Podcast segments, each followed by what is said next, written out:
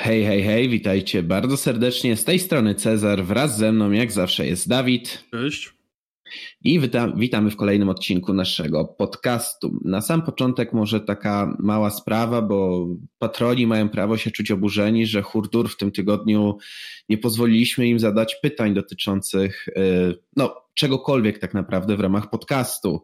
Yy, no, przynajmniej na Patronajcie, bowiem na naszym Discordzie mamy Mamy specjalną strefę dla patronów, gdzie można zawsze zadać pytanie, czy to w dyskusjach, czy to e, w Waszych sugestiach. Także kto już dołączy do naszego Discorda, zachęcamy, aby też korzystać z tego kanału.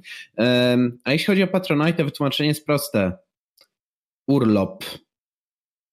Znaczy to... to znaczy, no ja wyjechałem, Dawid został, ale Dawid pracował, no i tak się trochę to rozjechało, no i w sumie no, nasza wina, nie, że nie ogarnęliśmy po prostu. Ale to nie no, jest do... tak, że pozwoliliśmy albo nie pozwoliliśmy. Jakby, jakby, jakby patronowi, którym mi zależało, to by nam wysłał na pytanie, bo na Discordzie, więc... Także od przyszłego tygodnia się już poprawiamy, przynajmniej na samym Patronajcie, bo tam to trzeba po prostu dać tego posta. E, ale tak, zachęcamy po prostu już takich zweryfikowanych patronów, którym na przykład wysłaliśmy maila albo, mm, albo którzy już się dodali na e, naszego Discorda, żeby po prostu zadawali pytania w strefie do tego przeznaczonej. Także to już zostawmy za sobą. Dzisiaj klasycznie odpowiadamy sobie na pytanka i zaczniemy dzisiaj od czegoś lekkiego, a więc od pytania od Kolo Grzmota. Co sądzimy o Rammstein? No i Dawid, ty chyba generalnie za wiele nie sądzisz, prawda? No ja nic nie sądzę, bo ja generalnie nie słucham muzyki metalowej czy rockowej. Głównie słucham rapu, muzyki trochę takiej rosyjskiej, czyli postpunku, synth-popu z czasu ZSRR, a właściwie końcówki ZSRR.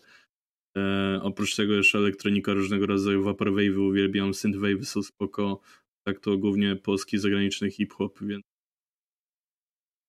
tej natury więc pytania no... raczej nie odpowiem. Dokładnie, więc zostaje to raczej dla mnie, w związku z tym powiem tak. Jaki Rammstein jest, każdy widzi. Czy to się może podobać? Zresztą jak byłem młodszy, to całkiem miło mi się słuchało. Zresztą do dziś, tak do pierwszych powiedzmy czterech, pięciu wydawnic mam jakiś tam sentyment.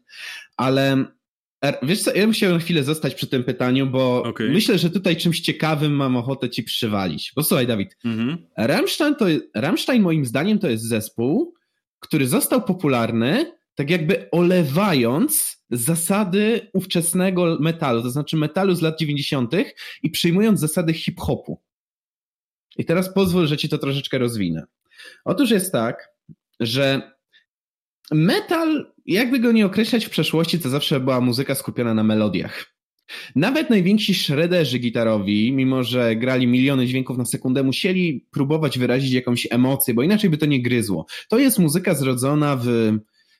No, różnie się o tym dyskutuje, no ale generalnie w latach 70. i 80., kiedy dominowała jeszcze w głównonurtowej muzyce melodia.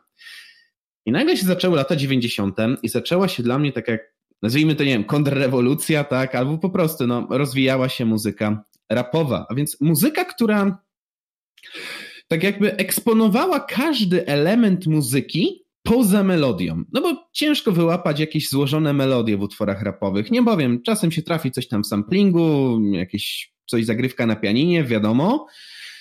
Styl dre, nie? E, ale generalnie rzecz ujmując, zgodzisz się chyba z tym, że rap to nie jest muzyka melodyjna. To znaczy, zdarzają się takie elementy, ale z samych założeń hip-hopu zawsze chodziło o trzymanie rytmu, bo e, mhm. pierwsze jakby utwory hip-hopowe, no to był DJ, który zapętlał beat na płytach gramofonowych, więc o jakiej melodii my tu mówimy no. w ogóle. Dokładnie o to chodzi. I teraz uważaj. E, Rammstein zrobił praktycznie dokładnie to samo. To znaczy tak, po pierwsze mocno umniejszył rolę melodii w ramach swoich utworów. To znaczy, ja nie mówię, że nie pojawiają się tam melodie, ale zazwyczaj jest to jakiś taki motyw, który się przewinie przez utwór, um, albo jakaś tam zagrywka klawiszowa, albo charakterystyczna linia wokalna wokalisty, ale poza tym tak naprawdę w ogóle prawie. Rammstein to jest zespół mocno skupiony na bardzo prostych, industrialnych riffach. I tyle. Druga rzecz. Rap to jest muzyka, która mocno musi dbać nie tyle o melodyczność, co już wyjaśniliśmy, co o fakturę dźwięku, mhm. który słyszymy. Czyli obrabiają go tam jakimiś equalizerami, kompresorami, próbują uzyskać bardzo charakterystyczne brzmienia. I generalnie rzecz ujmując, Rammstein poszedł w tę samą stronę. To znaczy, nasze riffy nie muszą żreć, nie muszą być jakieś super dobre, bo tak naprawdę to jest zazwyczaj trzepanie kilku par akordów w kółko. Tak naprawdę riffy Rammsteina są banalnie proste, ale mają to swoje charakterystyczne brzmienie, poprzeplatane jakimiś klawiszami, industrialowymi elementami, ale brzmienie gitar Rammsteina nie pomylisz z niczym innym tak naprawdę. To jest bardzo charakterystyczne, siarkowe brzmienie. Więc skupili się na fakturze dźwięku to dwa. I trzy. Wokal. To znaczy, to jest może troszeczkę na wyrost, ale Till Lindemann to nie jest wokalista, który śpiewa. To znaczy, jego linie melodyjne są dość proste w tym sensie, że oscylują wokół trzech, może czterech dźwięków w danej sekcji utworu. Ba, takie duchast jest wręcz taki trochę, no, ja nie mówię, że rapowe, mm -hmm. ale mhm. takie trochę zarapowane. To jest takie bardziej, tak naprawdę duchast, Kojarzę wierzę, że mógłbym kom... Tak, mógłbym ci go zagrać na bębenkach, albo nawet wyklaskać w tej chwili i prawdopodobnie był, byłaby szansa, że mógłbyś go rozpoznać, jakbym powiedział, że chodzi o utwór Rammsteina. Może chodzi lepiej to, że... nie wyklaskał, bo już nam zdejmą za prawo tak. Ale chodzi generalnie o to, że to jest zespół, który mocno skupia się na melodii, na, e, na rytmice, nie na melodii właśnie, na odpowiednim rytmicznym ułożeniu utworu, wokalów Lindemana i tak dalej. Dlatego dla mnie Rammstein to jest taki zespół, który rozpoczął trochę nową erę mm, w świecie metalu. Znaczy nie tylko oczywiście Rammstein, było parę takich zespołów, ale to był jeden z pierwszych zespołów, które stwierdziły przyszłość jest teraz, stary człowieku. I olały melodię. Tak jakby próbując wypchnąć takie elementy typowe dla muzyki rapowej, ale wciąż zachowując konwencję metalową. Także co o nich sądzę? Na swój sposób wizjonerscy, choć dość proście w odbiorze. Tak bym chyba to spuentował. Okej. Okay. No to co, coś tam mamy dalej pewnie, nie? E, tak, mamy tutaj komentarz od Adama Podczaskiego, który cię poprosił, Czarek, żebyś zaorał Karonia do końca w następnym odcinku, czyli mam chyba w tym. O, Jezus Maria, oranie Karonia. Znaczy... Przede wszystkim, przede wszystkim może bym zaczął od tego, że Karoń stawia niektóre tezy, które mogą mieć tam odrobinkę sensu. Które mogą w jakiś tam sposób gryźć. Znaczy, ja na przykład zgodzę się z nim, że współczesna no, kultura szeroko pojmowanego światu staje się może nie używam słowa marksistowska, ale w pewnym stopniu staje się po prostu taka trochę przegniła, zniszczona. No, na przykład w tej, w tej sferze bym za wiele z nim nie dyskutował, ale prawdopodobnie chodzi o jego tezy gospodarcze, tylko powiem tak. To jest człowiek, któremu ciężko wytłumaczyć, że pewne role ekonomiczne, pomimo że nie przynoszą bezpośredniego zysku, to w dzisiejszym świecie służą jako takie udrężniacze do rur. One są potrzebne nie tyle, bo wytwarzają coś, ale dlatego, że, nie wiem, pomagają faktycznie osiągnąć zyski innym albo ułatwiają dostęp konsumentów do pewnych dóbr. Na przykład wiem, że Karoń bardzo ostro jeździ po ludziach, którzy są związani z szeroko pojętymi giełdami, z inwestowaniem, tak? No i kurczę, on mówi, że to jest złodziejstwo, bo oni nie wytwarzają żadnej wartości, ale giełdy, to, to jest tak jakby nie znać definicji giełd, bo najprostsza definicja giełdy to jest Instytucja zajmująca się obracaniem towarami.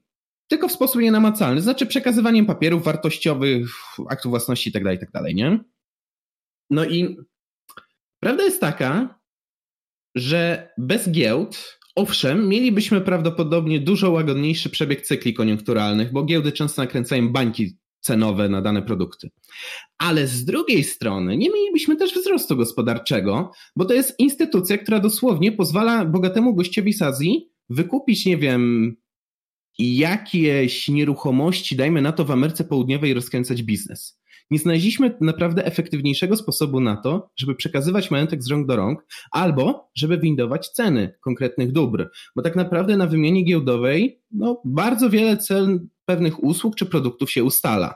Tylko naprawdę nie mam ochoty dyskutować z człowiekiem, który mówi, że Jezus, ja nie pamiętam, czy tam chodziło o definicję pozytywną czy negatywną wolności, ale że tylko jedna z nich obowiązuje. Tak jakby nie zamierzam dyskutować z człowiekiem, który nawet nie próbuje dogłębnie zrozumieć, w jaki sposób, nie wiem, instytucje takie jak giełdy próbują się przyczynić do polepszenia stanu rzeczy, chociaż nie są oczywiście czyste. Nie, nie mówię. To są, to są instytucje, które bardzo często potrafią no, namieszać, tak? Przykłady na to, niech sobie, polecam poczytać o tym, jak się pojawiła banka subprime w czasie kryzysu w 2008 roku, bo to była trochę wina, trochę wina giełd, trochę wina systemu amerykańskiego, no byłoby tam trochę do podłubania.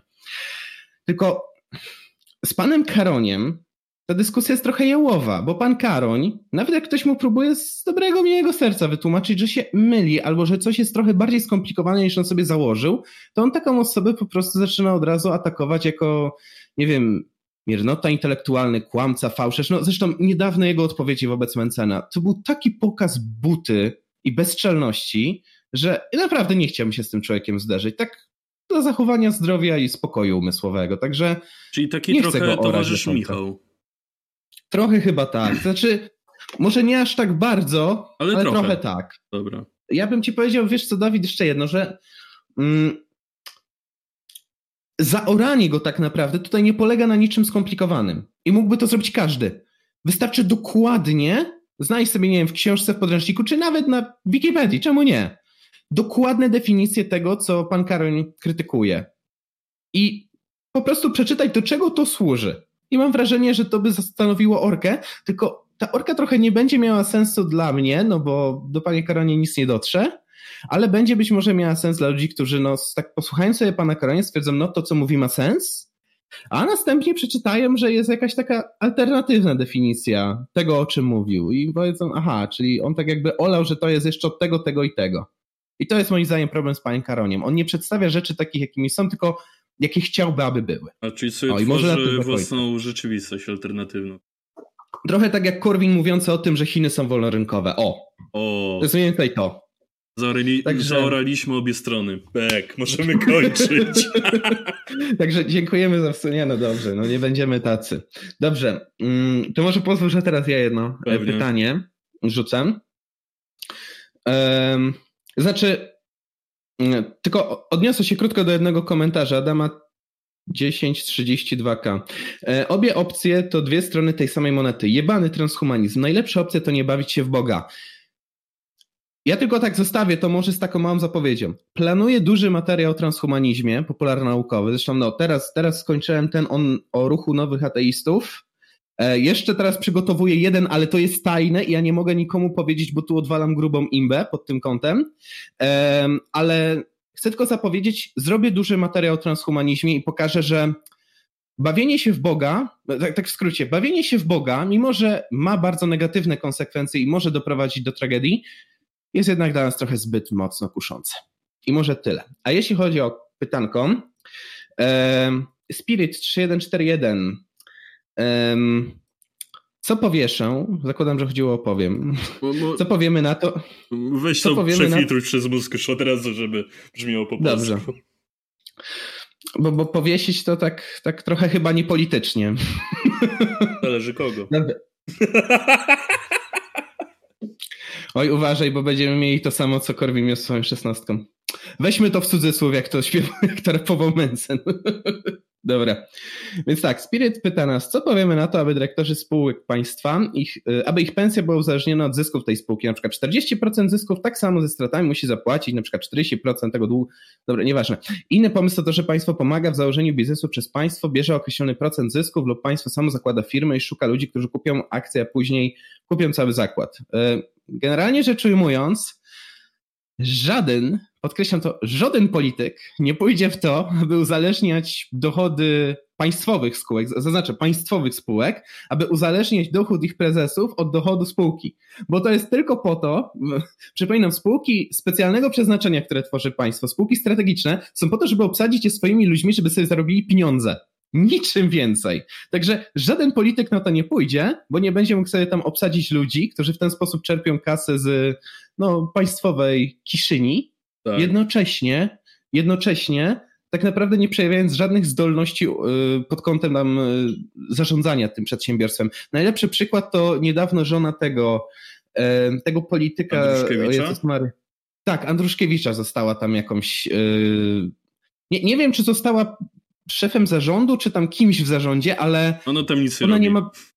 Tak, nie ma, nie ma kompetencji. Ona została po prostu wynagrodzona za, nie wiem, pracę męża, tak? Albo chodziło o jakiś większy deal prawdopodobnie, że ona się tam dostała. Także żaden polityk na to nie pójdzie. Tak, a jeśli chodzi o zakładanie spółek przez państwo czy firm, e, przypomnę, że coś podobnego działo w PRL-u i przypadek, nie wyszło.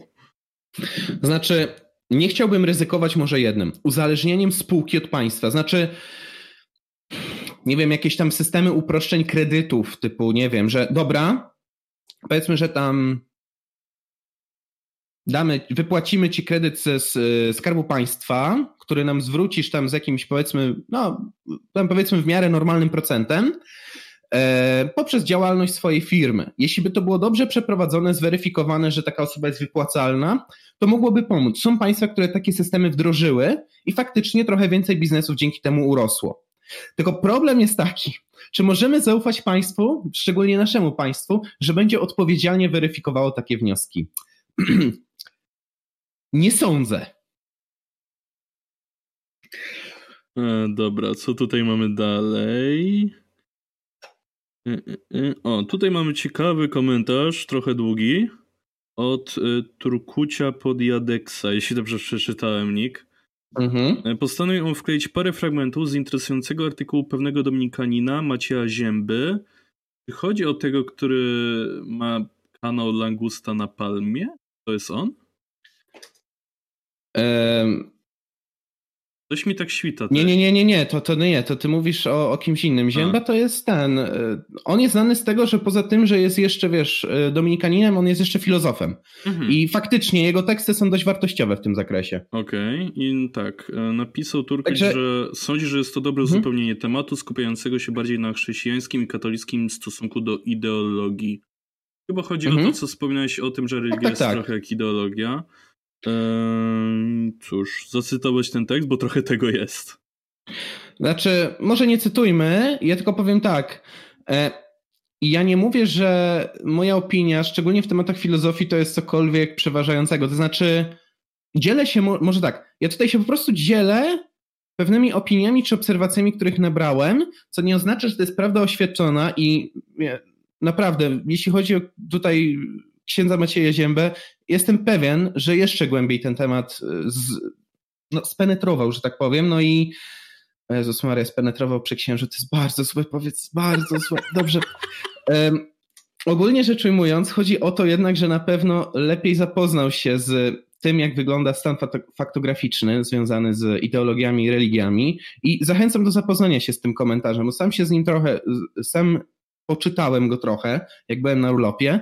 E, muszę to jeszcze skończyć, przyznam szczerze, ale e, no, pokazuje to na pewno jedno. Jak wiele w tym jest niuansów i że no, trzeba być naprawdę ekspertem, żeby wyrazić opinię, która będzie prosta, ale która nie będzie sprzeczna z niczym innym. O tak bym powiedział, tak? To znaczy z żadnym aspektem tej skomplikowanej maszynerii, o której mówimy. No, ja o tym troszeczkę wiem przez to, że no, ekonomia, tak? Ja ja wiem, że nie można tak wprost powiedzieć pewnych rzeczy, bo to prowadzi po prostu do bardzo, bardzo daleko idących błędów. Także bardzo dziękujemy za ten komentarz i wszystkich zachęcamy do zapoznania się z nim.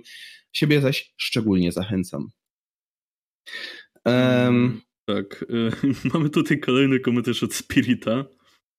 E, jak myślicie, świat X-Menów, że każdy ma dziwne moce, to taki świat coś podobnego jak nasze średniowiecze, że twoja rola, jak i kariera będzie uzależniona od twojej mocy, na przykład lekarz, moc leczenia itp. E, jaką moc z X-Men chcielibyście mieć? To może pierwsza część pytania, to ja bym powiedział tak. Nasze średniowiecze. Mm. A znaczy, ja zaznaczyłem w, nasz, w materiale, jak rozmawialiśmy trochę o transhumanizmie, że Generalnie rzecz ujmując, pojawienie się lepszego albo innego gatunku człowieka oznacza, że naturalnie tworzymy pewne stany, pewne klasy ludzi lepszych i gorszych. Takich, których stać na mniej obciążone ryzykiem usługi, takich, których nie stać, więc muszą korzystać ze zwykłych homo sapiens. E, generalnie nie wiem, czy by wytworzyło system feudalny, czy przerodziło się na przykład, jak to pięknie określono w jednej kreskówce, wojnę rasową. Nie wiem. Tak czy inaczej, takie tarcia byłyby wręcz nieuniknione i to jest bardzo ważny aspekt rozmowy w ogóle o transhumanizmie. No bo prawda jest taka, że jesteśmy wręcz pewni, że społeczeństwo nie będzie wyglądało tak jak wcześniej, że się podzieli według no, tych przywilejów, które dają supermoce, czyli te, no powiedzmy, te ulepszenia ciała. Ale to jak to będzie rozwiązane ostatecznie, nie wiem. Zależy od nastrojów społecznych i zależy od tego, kto przeważy tak naprawdę, tak? Czy znowu wygramy masą, jak kiedyś pokonaliśmy Neandertalczyka, czy, czy może tym razem jednak te moce no, zdominują cywilizowany już świat. A którym X-Menem chciałbyś zostać? Konkretnym X-Menem to nie, ale jak byłem w szkole, tak w liceum, zawsze myślałem, że dwie rzeczy byłyby super. Pierwsza to byłoby przemieszczanie się tak dowolnie, wiesz, pomiędzy pomieszczeniami. Myślę, że był taki X-Men chyba w trójce nawet. E, czy w dwójce? Już nie pamiętam. Tak czy inaczej. Wyobrażałem sobie, że wchodzę na test, nic nie umiem, kompletnie go zlewam, udaję, że coś piszę, oddaję w miarę czystą kartkę. Następnie wiedziałem, że profesor, czy ten profesorka, czy ktokolwiek inny zostawiają sobie e, papiery, wiesz, gdzieś tam z tyłu klasy albo w biurku. W czasie, jak jest przerwa, ja po prostu pojawiam się w klasie, biorę test kogoś, kto wiem, że ogarnia, biorę swój, wypełniam go wtedy. A druga rzecz, Chociaż to musiałoby być koniecznie na żądanie, to chyba czytanie w ludzkich umysłach, bo jeśli to miałoby być tak na stale, że mógłbym poznawać, co się dzieje w czyjejś głowie, e, myślę, że mogłoby to strasznie pod, podłamać moją wiarę w ludzi, szczególnie dlatego, że my nie kontrolujemy wszystkich myśli, które przebiegają przez naszą głowę. Także chciałbym, żeby to było na życzenie, że tak powiem, u mnie. Ale no to tak, chyba wokół tego bym się tak kręcił, jak już miałbym sobie pomarzyć. A u ciebie? Jak sobie tak przekminię wszystkich X-Menów, których kojarzę i pamiętam, to najbardziej optymalny tak, żeby ludzie nie chcieli cię zabić, jednocześnie w razie czego, żebyś ty mógł ich zabić, to w sumie jest tak? Wolverine. Wygląda jak człowiek, jest w miarę umieśniony, te, te, mhm. te metaliczne coś, co jest w jego ciele w zasadzie daje mu nieśmiertelność. A jak jest jakiś problem, to wyciąga szpony i załatwia sprawę, więc najbardziej znaczy optymalna znaczy opcja. Jego, jego supermoc polegała po prostu na niesamowitej zdolności leczenia się. Właśnie dlatego przeżył operację jakby wlania tego metalu w jego kości. Także ty byś, jakbyś chciał moc Wolverina, to tak naprawdę bazowo masz tylko leczenie. Ej, no to nadal A spoko. potem, a potem właśnie, zobaczymy. Zresztą no, tam było fajnie pokazane w tym właśnie w e, Loganie, że jak on, on dopiero jak się starzał, to tak jakby ta moc słabła wraz z nim. No Więc nie to, że był nieśmiertelny, ale faktycznie pożył znacznie dłużej niż przeciętny człowiek. Także no tak, z pewnej perspektywy też to byłoby bardzo fajne. Ale wiesz co, ja, ja, ja bym chciał teraz tak krótko e, żarcik zrobić taki. Uważaj, patrz, bo Bojan Stasiak zapytał, czy Max napisał swój manifest dla Beki. Tak. Ej, ale wykmij teraz taką koncepcję. No. Przyjmijmy czysto hipotetycznie, że człowiek jak umiera, to później rodzi się jako jakiś inny człowiek w dowolnym miejscu na Ziemi. Powiedzmy, że Marx umarł. No. Odrodził się. Jakiś no. cudem zapamiętał to, że napisał manifest komunistyczny. Zauważył, co odpierdalają komuniści. Stwierdził, że musi to odwrócić. I tak się akurat składa, że urodzi się jako Adolf Hitler.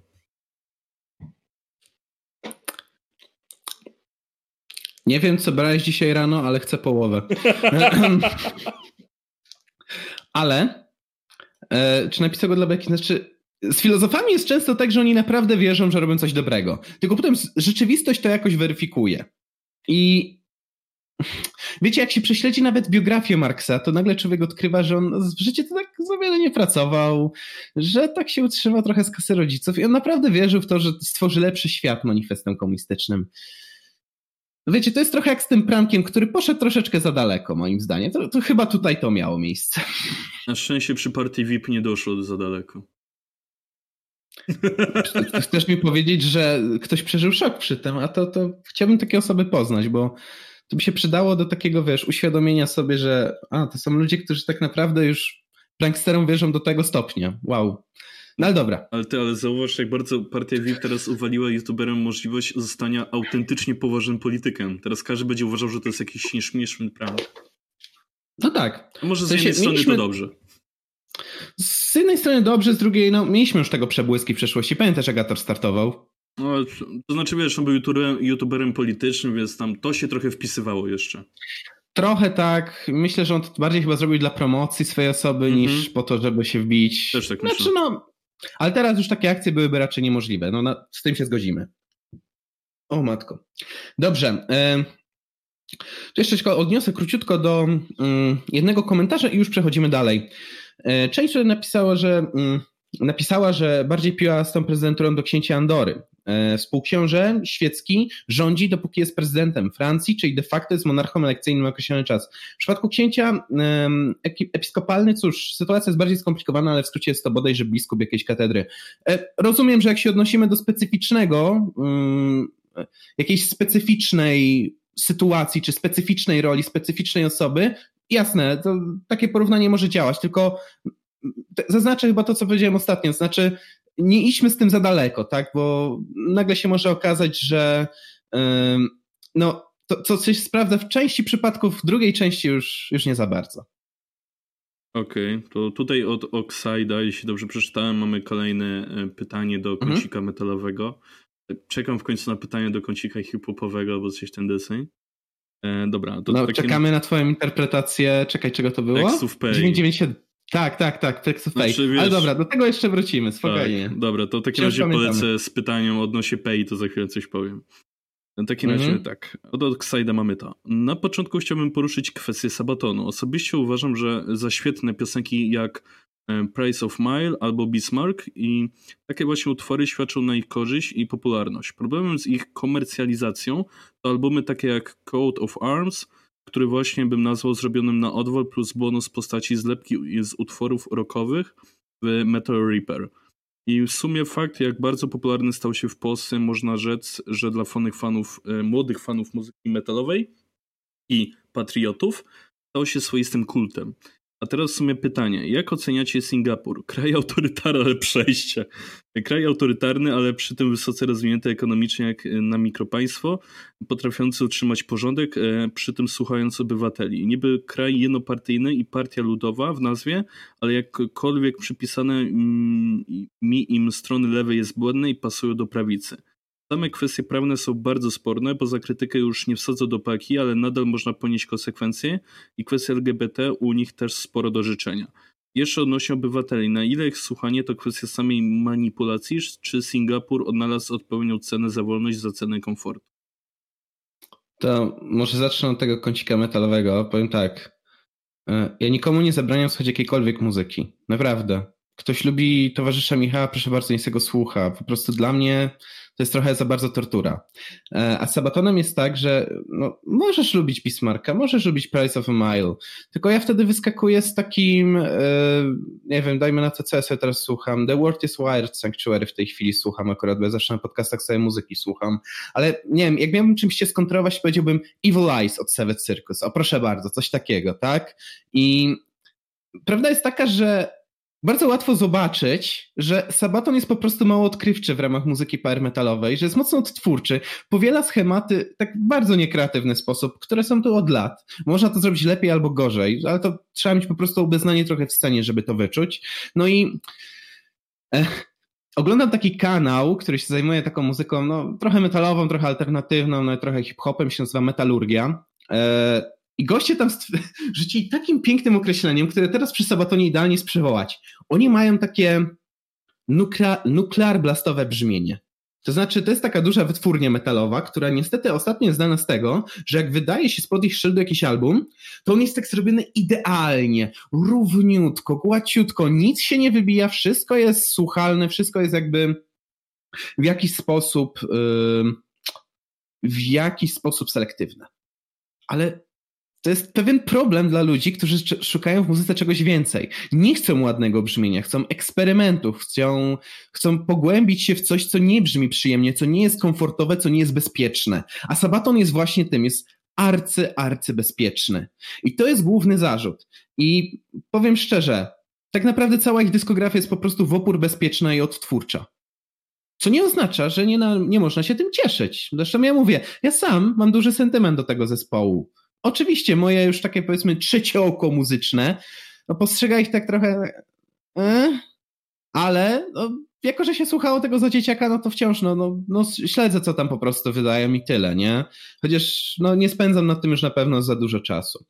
A jeśli chodzi o ten Singapur, ja powiem tak. Singapur to jest idealne miejsce, żeby pogadać o kwestii związanej z czymś, co się nazywa tak, taka powiedzmy trzecia droga albo pewne szarości systemów politycznych.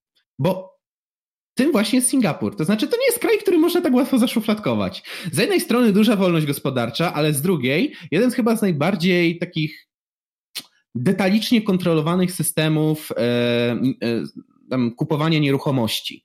E, z jednej strony właśnie niby złagodzili trochę prawo, no ale wciąż są ludzie, których by na więzienia wsadzali za 20 lat za to, że no, wiesz, kompatybilność seksualna im się zmieniła od tej preferowanej przez państwo, tak?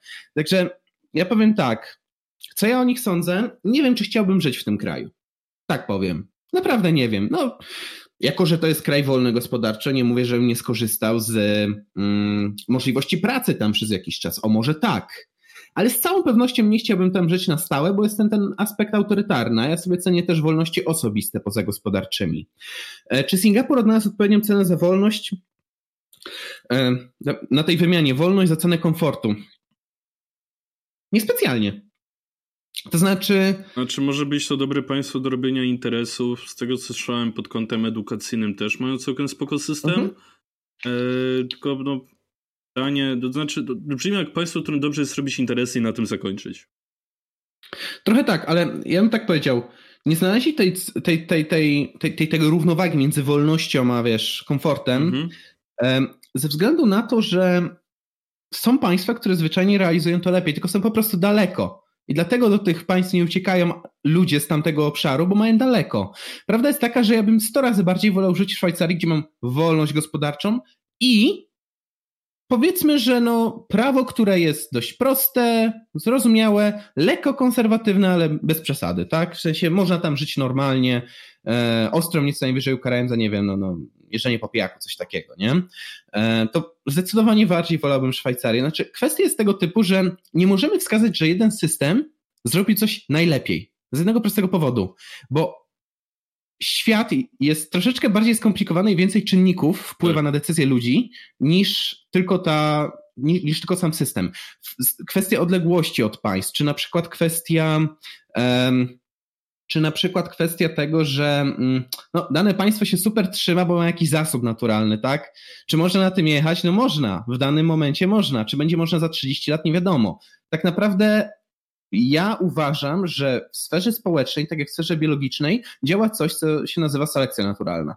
Systemy bez przerwy będą się dopasowywać zmieniać. Prawdopodobnie nigdy nie osiągniemy żadnego ideału w żadnym, podkreślam, żadnym systemie.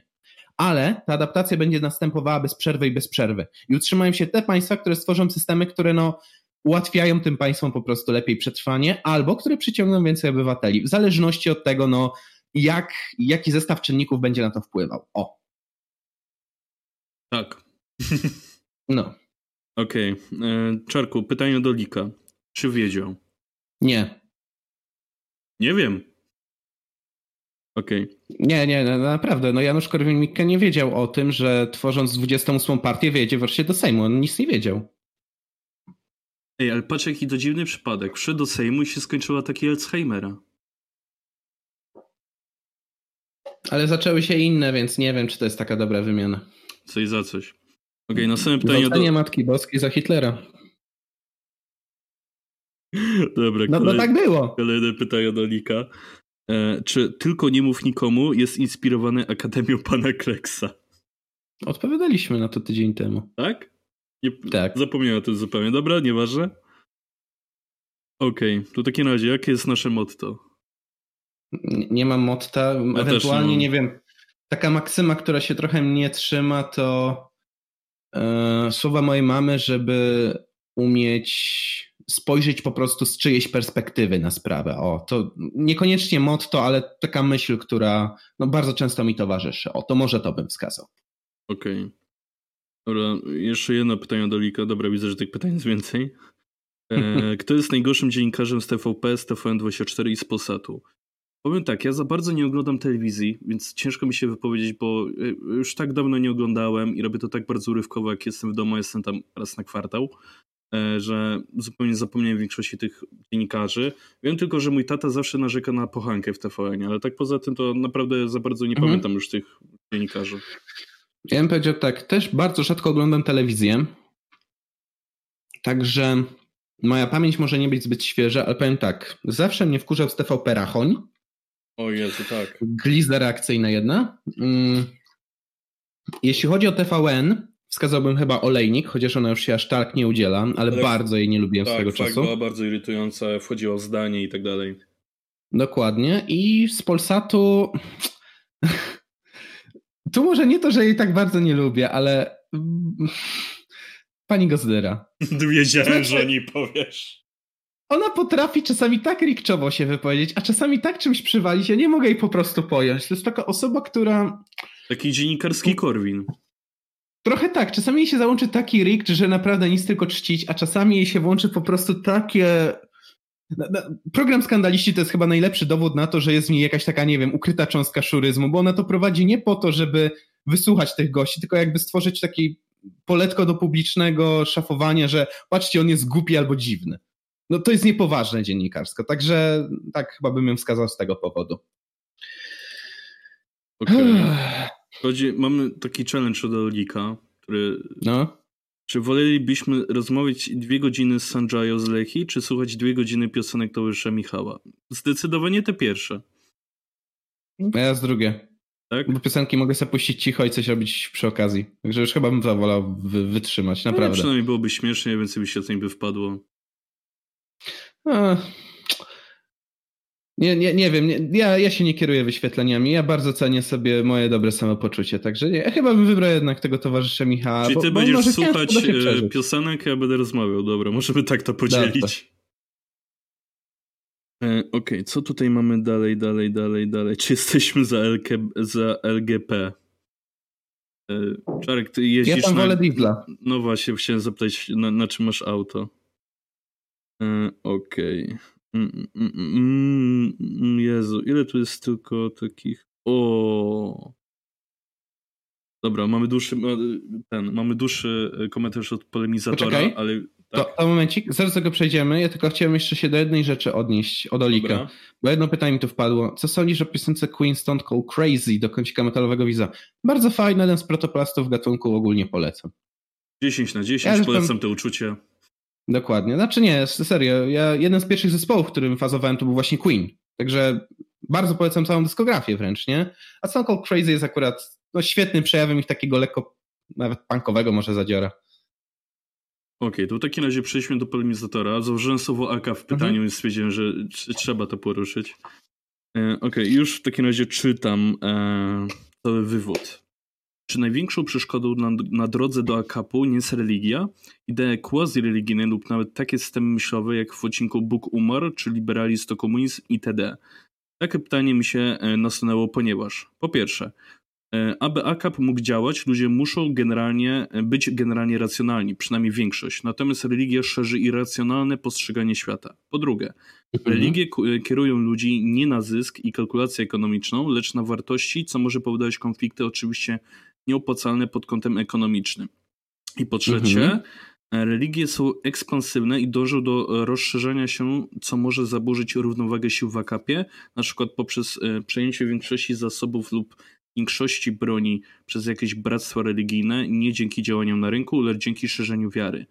Czy można powiedzieć, że klasyczny anarchizm jest niemożliwy do realizacji, ponieważ zakłada, że ludzie są dobrzy, zaś AKAP jest niemal niemożliwy do realizacji, ponieważ zakłada, że ludzie są racjonalni, a raczej niezbyt są i nie wiadomo, czy w ogóle mogą. Zysk służy im do irracjonalnych celów, jak wartości, pasje, realizacja popędów itd. Tak By the way, jeśli robicie jeszcze research do odcinka o religiach, to może pomoże wam playlista na moim kanale, religia ogólnie, może znajdziecie tam coś, co was zainteresuje lub będzie dobrym punktem wyjścia. Pozdrawiam. Również pozdrawiamy i myślę, że tak. możemy się chyba po kolei jakby odnieść do każdego z tych podpunktów, które czytałem. Myślę, że tak. Ja bym jeszcze powiedział, e, bo tu polemizator e, pyta, czy skorzystamy z tej playlisty. Zaznaczam, że jedno. To nie jest odcinek wyłącznie poświęcony religiom, co ruchowi nowych ateistów. Dlatego nie zabieram tam tak dużo czasu wbrew pozorom na temat samej religii. Znaczy, ja ją opisuję tam szeroko, ale dopiero pod koniec. W związku z tym, ja oczywiście dziękuję za playlistę, ja sobie powoli tam zapoznaję się z nią, ale e, generalnie rzecz ujmując, myślę, że odpowiadając, odnosząc się do tych podpunktów, które tu wypisałeś polemizatorze, zaostrzę twój apetyt na ten materiał. Um, jeszcze powiedziałbym jedno, że polemizator zaczął pytanie, że największą przeszkodą na drodze do akapu nie jest religia, idea, tak? Hmm, czy, znaczy, założył, że religia jest tym takim jakby przeszkodą na drodze do akapu. Oczywiście, że nie. Największą przeszkodą do akapu jest czynnik ludzki. Czekaj, czy, czy ty mi właśnie porównałeś akap do komunizmu? Właśnie nie i chcę udowodnić, że AKAP wcale nie kieruje się racjonalnością, założy, założeniem o racjonalności człowieka. Oczywiście, że nie. Bo generalnie rzecz ujmując, to zaznacza, że AKAP wymaga od ludzi racjonalności. Nie, on wymaga racjonalności od systemu, nie od ludzi. To powinniśmy rozróżnić. To znaczy, mm, czy tak naprawdę AKAP mówi, że nie wiem, ludzie przestaną na przykład wydawać pieniądze na pierdoły, że tak się wyrażę, na jakieś pasje, zainteresowania, hobby, cokolwiek innego? Po drugie, kto powiedział, że ludzie nie będą mogli popełniać w tym systemie błędów? Gdyby nie popełniali błędów, nie byłoby w tym systemie systemu prawnego. A w AKAPie jest jak najbardziej oparte o aksjomaty. No i trzecia rzecz, gdyby AKAP zakładał racjonalność człowieka, to z całą pewnością nie tworzyłby też. Mm, nie tworzyłby też takiego. Inaczej. Niektórzy libertarianie twierdzą, że sam AKAP to jest idea, którą można troszeczkę dowolnie interpretować. No i w rzeczywistości tak jest, bo z tego powodu są kłótnie wokół tego, jak będzie w AKAPie. Ale zauważyłbym, że część ludzi wierzy wręcz w to, że aby AKAP powstał, potrzebne mu wręcz są takie rzeczy jak religie, tradycje, przeszłość. Ba, ja jestem paleolibertarianinem, także uważam, że nawet gdybyśmy budowali system bezpaństwowy, bo tym to tak naprawdę jest systemem bezpaństwowym, to wcale nie twierdzę, że powinniśmy odrzucać konstrukty takie jak religia, czy, e, czy, czy społeczności, które sobie tworzymy, czy przeszłość, czy tradycje. Że to, to będzie naturalny element tego systemu. Także odrzuciłbym to założenie, że ludzie muszą być generalnie racjonalni. Nie. System jest logiczny, że tak powiem, to prawda, ale ludzie niekoniecznie w nim muszą być. Właśnie po to stworzono aksjomaty i pewne yy, prawa czy zasady, które funkcjonowałyby w tym systemie, wywodząc się z pierwotnych aksjomatów. Dodatkowo weźmy też pod uwagę, że sam AKAP, jakby nie patrzeć, wywodzi się z austriackiej szkoły ekonomii, która oczywiście zakłada, że ludzie niekoniecznie są racjonalni, więc to prawda. Więc to by stało w ogóle sprzecznością jakby do tego, z czego się AKAP wywodzi. Musiał być zupełnie innej ćwiartce na, na kompasie politycznym, więc AKAP z zasady nie, nigdy nie zakładał i nie będzie zakładał, że ludzie są racjonalni, ponieważ sama austriacka szkoła ekonomii nie zakładała, że ludzie są racjonalni. Więc y, to jest w ogóle taki punkt, który można w ogóle od razu odrzucić, że nie, to nie jest system, który to zakłada i nigdy nie będzie zakładał. Um, mhm. Tutaj mieliśmy właśnie skierowanie do religii. Po pierwsze, społeczeństwo raczej się ateizuje, a nie, nie, nie na odwrót. Oczywiście wyjątkiem są muzułmanie, ale ich powiedzmy, powiedzmy, że mówię o Polsce. E, mhm. I nic nie stoi na przeszkodzie, żeby ludzie sobie w coś wierzyli, e, pod warunkiem, że nie robią nikomu innemu krzywdy. Więc nic mhm. nie stoi na przeszkodzie, żeby akapie mogła być religia w jakiś sposób funkcjonująca. Oczywiście są, jest dużo przykładów z czasów bardzo, bardzo dawnych, gdzie państwa, czy powiedzmy społeczności, które tworzyły coś ale AKAP, albo były tego bardzo blisko, albo generalnie były, były to, był to AKAP, były jakby, ten AKAP był niszczony przez religię, która wjeżdżała i nagle panowało państwo takie religijne, ale mamy XXI wiek, więc nic nie stoi na przeszkodzie, żeby sobie to jakoś obok siebie funkcjonowało. Dawidzie, ja jestem zażenowany twoją wiedzą na temat historii akapu. Jak mogłeś coś takiego powiedzieć? Przecież sam dawałem ci teksty dotyczące Islandii w średniowieczu, e, przepraszam, Islandii, Irlandii w średniowieczu. System akapowy stworzony wokół wierzenia religijnego. Hmm. I każdemu polecam poczytać sobie o tym. Właśnie to. Znaczy, ja się Moim zdaniem to jest... do pierwotnej mhm. Islandii, hmm? bo tam rzeczywiście religia hmm? wyparła, ale o tej Irlandii zapomniałem po prostu. Dokładnie to. Ale zachęcam wszystkich właśnie do zapoznania się z tym. Z tego co wiem, chyba partia libertariańska nawet coś, y, znaczy przepraszam, Stowarzyszenie Libertariańskie coś na ten temat udostępniało na swojej stronie. A to nie Także było serdecznie na Mizesie? Albo na Mizesie, albo tu. No, sprawdzić. Generalnie jak się wpisze w Google właśnie e, historia średniowiecznej Irlandii, to powinno coś na ten temat wyskoczyć właśnie na tych stronach. Także e, to jest dowód na to, że może to istnieć, ba wręcz zasadzony na fundamencie religijnym. Także jak już odrzuciliśmy tą racjonalność, no to można odrzucić, odrzucić myślę też drugi punkt, że ludzie nie kierują się na zyski, kalkulacje, co sam zaznaczyłeś. Bo austriacka szkoła ekonomii odrzuca założenie racjonalności człowieka. Nie ma niczego doskonałego w świecie. Tak, jeśli chodzi o punkt drugi, chciałem tutaj zwrócić uwagę, jedną rzecz polecić. Bardzo, mhm. jeśli chodzi o punkt drugi, czyli tym, że religie, religie kierują ludzi nie na zysk yy, i kalkulacje ekonomiczne, tylko że na wartości, chciałbym bardzo polecić e, wykład, który był na naszym toruńskim kasę, e, który wygłosił ksiądz e, Gniadek. Gniadek. Dobrze mhm. pamiętam nazwisko, który sam wspominał o tym, że nauka kościoła katolickiego opiera się o ekonomię i sam jakby wyciąga wnioski i dowody, w których miejscach rzeczywiście było o tym wspomniane, w samych też przypowieściach Chrystusa. Więc y, mhm. powiedzmy, że obecnie księża są daleko od ekonomii, ale sama religia nie do końca, jeśli chodzi o katolicyzm przynajmniej. Mhm.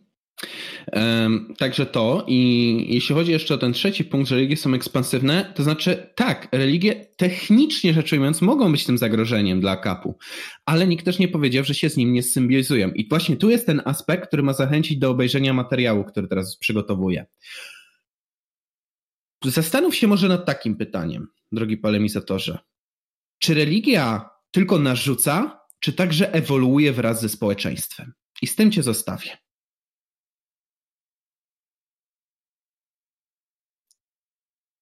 Dobrze. Tak. To może teraz pozwól, że ja przytoczę mhm. kolejne jakieś pytanko. Miało. Mnie chyba, e, Michał Borowczyk pyta, mnie chyba najbardziej wkurza w ludziach, że nie mogą wyjść z prostego myślenia zero-jedynkowego, że jest to wprowadzenie rozszerzenia myślenia jak zauważenia współzależności między różnymi rzeczami. Porównałbym do tego, co mówi Cezary o podejściu ekonomicznym klasycznym, austriackim lub w filmie Sejfana o układance, wieże Hanoi, która była mm, prosta, ale jak potem przedstawi, można odkryć coś więcej. E, tak, z jednej strony to może wkurzać, że ludzie prymitywizują pewne zagadnienia, szczególnie jak się sami nimi interesujemy, wiemy, że jest to bardziej złożone. Mi się przypomina taka rozmowa z gościem, który twierdził, że wojny w dawnej Jugosławii wybuchły dlatego, że ludzie mają tam taką mentalność. Ja tak na niego spojrzałem i mówię, nie, narodowość nie wpływa na twoją mentalność, ale wpływają na nim masa czynników, które można by powiązać z narodowością. To znaczy, twoja przeszłość, system polityczny, w jakim żyjesz, kwestia tego, że no, sam system, w którym żyłeś mógł być niestabilny, tak? To już może powodować, że jakby jesteś w grupie zagrożenia.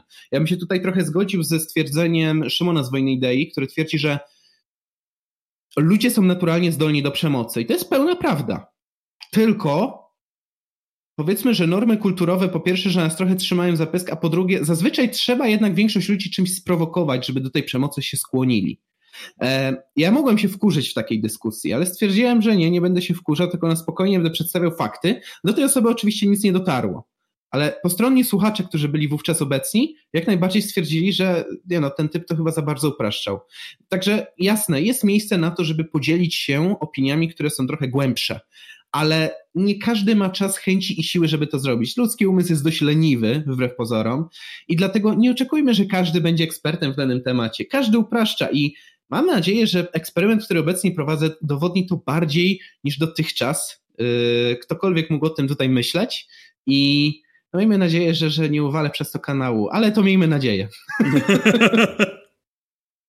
Także to. I jeszcze jedno jest pytanie od Michała. Mhm.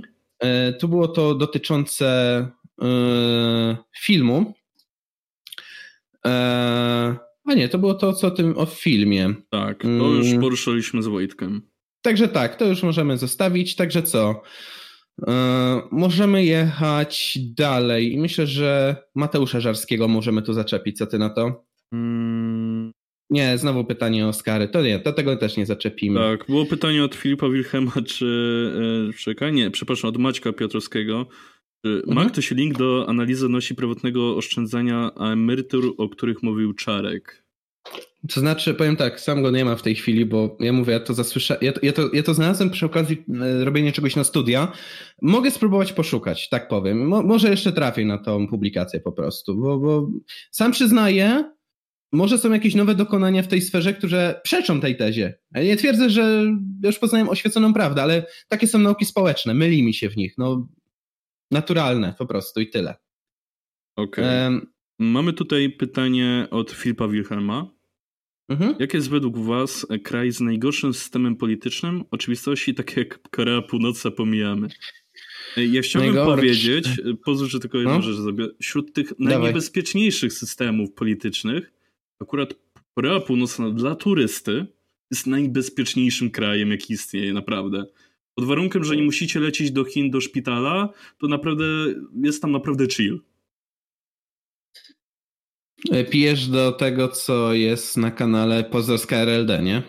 E, tak, no bo Emil, który prowadzi ten kanał, był wielokrotnie w Korei Północnej, nigdy mu się nic nie stało. Oczywiście musicie przestrzegać pewnych zasad typu, nie wiem, na przykład niezrywanie plakatów y, propagandowych w hotelu, bo, może, bo mogą was tam zamknąć wtedy w areszcie ale to są proste zasady, które wystarczy przestrzegać. I tak poza tym, to naprawdę żyją tam normalni ludzie, którzy próbują jakoś sobie tam żyć, tak jak, my, taki, tak jak nasi rodzice próbowali żyć za PRL-u i nasi dziadkowie. E, I po prostu jakoś sobie tam żyją, jakoś sobie tam ten czas leci. Więc e, pod kątem turystycznym to naprawdę Korea Północna jest jednym z najbezpieczniejszych, e, najbardziej bezpiecznych krajów potem Dobra, ale wiesz co, tak kmiję sobie nad tym pytaniem dotyczącym tego, który system polityczny jest dla mnie najgorszy. Ja powiem tak, ja ogólnie bardzo nie lubię traktowania systemu politycznego jako całości, bo ten system jest często powiązany z mentalnością, kulturą, historią, tradycjami danego narodu. Nie jest łatwo powiedzieć, że dany system jest zupełnie zły. Moim zdaniem nie ma w naszym świecie absolutów. W najgorszym systemie są pewne plusy, ale jeśli miałbym tak wyjść trochę pod prąd i skrytykować jakiś system, który tak się nikomu nie rzuca na pierwszą tak, tak na pierwszy kontakt, Szwecja. I uważaj czemu. Przypomniała mi się taka rozmowa, którą miałem z moją ex, gdzie ona twierdziła, że Szwecja to jest kraj, jeden z tych krajów, które najefektywniej rozwijają służbę zdrowia, ale to jest dzięki temu, że tam się płaci ogromne pieniądze na tę służbę zdrowia. Coś w tym stwierdzeniu jest, można powiedzieć, bo prawda jest taka, że no, Szwedzi wywalają kupę kasy na ten taki publiczny system e, opieki zdrowotnej. I faktycznie dużo tam firm tworzy leki albo jakieś badania prowadzi. Ale nikt nie widzi już tego, że przez to być może zażynane są prywatne inicjatywy, które mogłyby to robić jeszcze efektywniej, no ale nie dowiemy się tego, no bo jeszcze są zażynane, tą, e, są zażynane masą kasy. A po drugie, nie jest też powiedziane, w jakim sposób dokładnie, wiesz, to finansowanie się tam zdobywa. Być może jest to całkiem racjonalne. I tu już chciałem pokazać, że taki jeden element, który niby można by wprost powiedzieć, no bo y, pieniądze dają, to działa, w rzeczywistości nie jest taki prosty do analizy, bo nie wiemy dogłębnie, jak to wygląda, ale Szwecja bym skrytykował za coś innego. Za moim zdaniem paskudną postawę, polegającą na tym, że odbierają coraz więcej odpowiedzialności ludziom i ludzie się na to godzą. To jest system, który bardzo powoli zaczyna budować takie przeświadczenie, że państwo jest najlepszym narzędziem rozwiązywania wszystkiego, czy to sporów społecznych, czy kryminalnych, czy jakichkolwiek innych. Przykłady, jakie by tutaj najłatwiej było podać, to są chyba przykłady związane z dziećmi w krajach nordyckich, gdzie potrafi wejść państwo, odebrać dzieci rodzicom -hmm. i oni powiedzą, że to jest wszystko ok. Tymczasem w naszym kraju no, powiedzielibyśmy, że no moment, to są w pierwszej kolejności wiesz, dzieci rodziców czy dzieci państwa. Bo szczególna krytyka na te państwa skandynawskie pada dlatego, że często te dzieci są odbierane w sposób nieuzasadniony. Bo ja nie mówię, jak ojciec leje albo coś, no to wiadomo, że zabrać te dzieci bezpieczne miejsca, ale trzeba mieć na to jakiś dowód, e, zeznania samych dzieci, cokolwiek, tak? A tam na bazie podejrzenia już państwo może interweniować. Popatrzcie, jak bardzo zebrano im odpowiedzialność i jak bardzo rozbachano państwo, że już na bazie podejrzenia państwo zaczyna działać. To jest patologia dla mnie. I bardzo nie chciałbym po prostu tworzenia systemu państwowego, a niestety w Polsce się taki też tworzy powoli, w którym państwo przez to, że bardzo dużo daje, zaczyna też odbierać powolutku pewne odpowiedzialności ludziom. I przez to tworzymy system moc bardzo patologiczny, w którym e, godzimy się wręcz, akceptujemy państwo bezkrytycznie jako narzędzie rozwiązywania problemów wszelkich i każdą metodę, jaką sobie państwo przyjmie, traktujemy jako tak prawdę oświeconą. W rzeczywistości jest zaś tak, że to jest system, który można by być może bardzo mocno naprawić, gdyby zastosować trochę bardziej odpowiedzialność tą taką oddolną, tak? Budowanie pewnych postaw społecznych, e, a nie budowanie narzędzi interwencji państwowej. Tymczasem, no niestety, państwa skandynawskie są takim smutnym przykładem pewnej takiej pasywności obywateli wobec tego. Wiecie, państwo, które nie angażuje swoich obywateli, albo inaczej, angażuje ich tylko do takiego stopnia, w którym decydujemy między opcjami, które nam rzuca państwo, to jest państwo, któremu za jakiś czas grozi to, że będzie zupełnie bezradne wobec jakiegoś kryzysu. Jedynie zmiana władzy będzie mogła w nim pomóc. Dlatego też mówiłem, że do tego się trochę zbliżamy w Polsce. Zbliżamy się do systemu, w którym tak naprawdę dopiero zmiana jakoś władzy albo ludzi, którzy są u steru, mogłaby to spowodować. Tylko jak to zrobić w legalnych warunkach? I tu jest problem, bo w legalnych warunkach to ludzie są i tak już obojętni na nasze argumenty. Więc niestety, ale zaczyna się nazywać taka myśl, a może przewrót, może rewolta, może autorytaryzm. I to jest bardzo, bardzo niepokojące dla mnie. w trakcie, gdy to wszystko mówiłeś, ja zacząłem sobie tak wertować w głowie, który system mógłbym tak określić jako najniebezpieczniejszy na chwilę obecną, tak biorąc pod uwagę tak bardzo globalnie mhm. to wszystko. Tu mnie na pierwszą myśl mi przychodzą Chiny. Mhm. Jest to kraj, gdzie rząd dyktuje bardzo dużo rzeczy. Jest już tam wdrożony dosyć poważny system kontroli obywatelskiej, ratingu mhm. obywateli, co ostatnio to w ogóle moglibyśmy o tym pomyśleć tylko Black Mirror, a kiedy nagle się zaczynają tym bardzo mocno inspirować. E, I dodatkowo jest pełna kwestia, w których nawet Korea Północna nie jest tak, e, nie jest tak restrykcyjna jak Chiny. Przypuśćmy mhm. czysto hipotetycznie, nie ma pandemii, normalnie możemy latać po całym świecie, etc. Przypuść, przypuśćcie sobie, nasi słuchacze, widzowie, że lubicie sobie palić marihuanę i sobie ją palicie dzisiaj. Czysto hipotetycznie za dwa tygodnie lecicie sobie do Chin. Nie wiem, czy wiecie, co jest bardzo popularne, znaczy było zanim była pandemia w Chinach. E, wyrywkowe kontrole obywateli pod tym kątem, że ścinają wam część włosów i idą one do analizy. Jeśli wykryją wam we włosach marihuanę, nieważne, że paliliście to w Polsce, a nie w Chinach, idziecie z automatu do aresztu. Chciałbym wam przypomnieć, że jak pójdziecie do aresztu w Chinach, raczej już z niego nie wyjdziecie nigdy.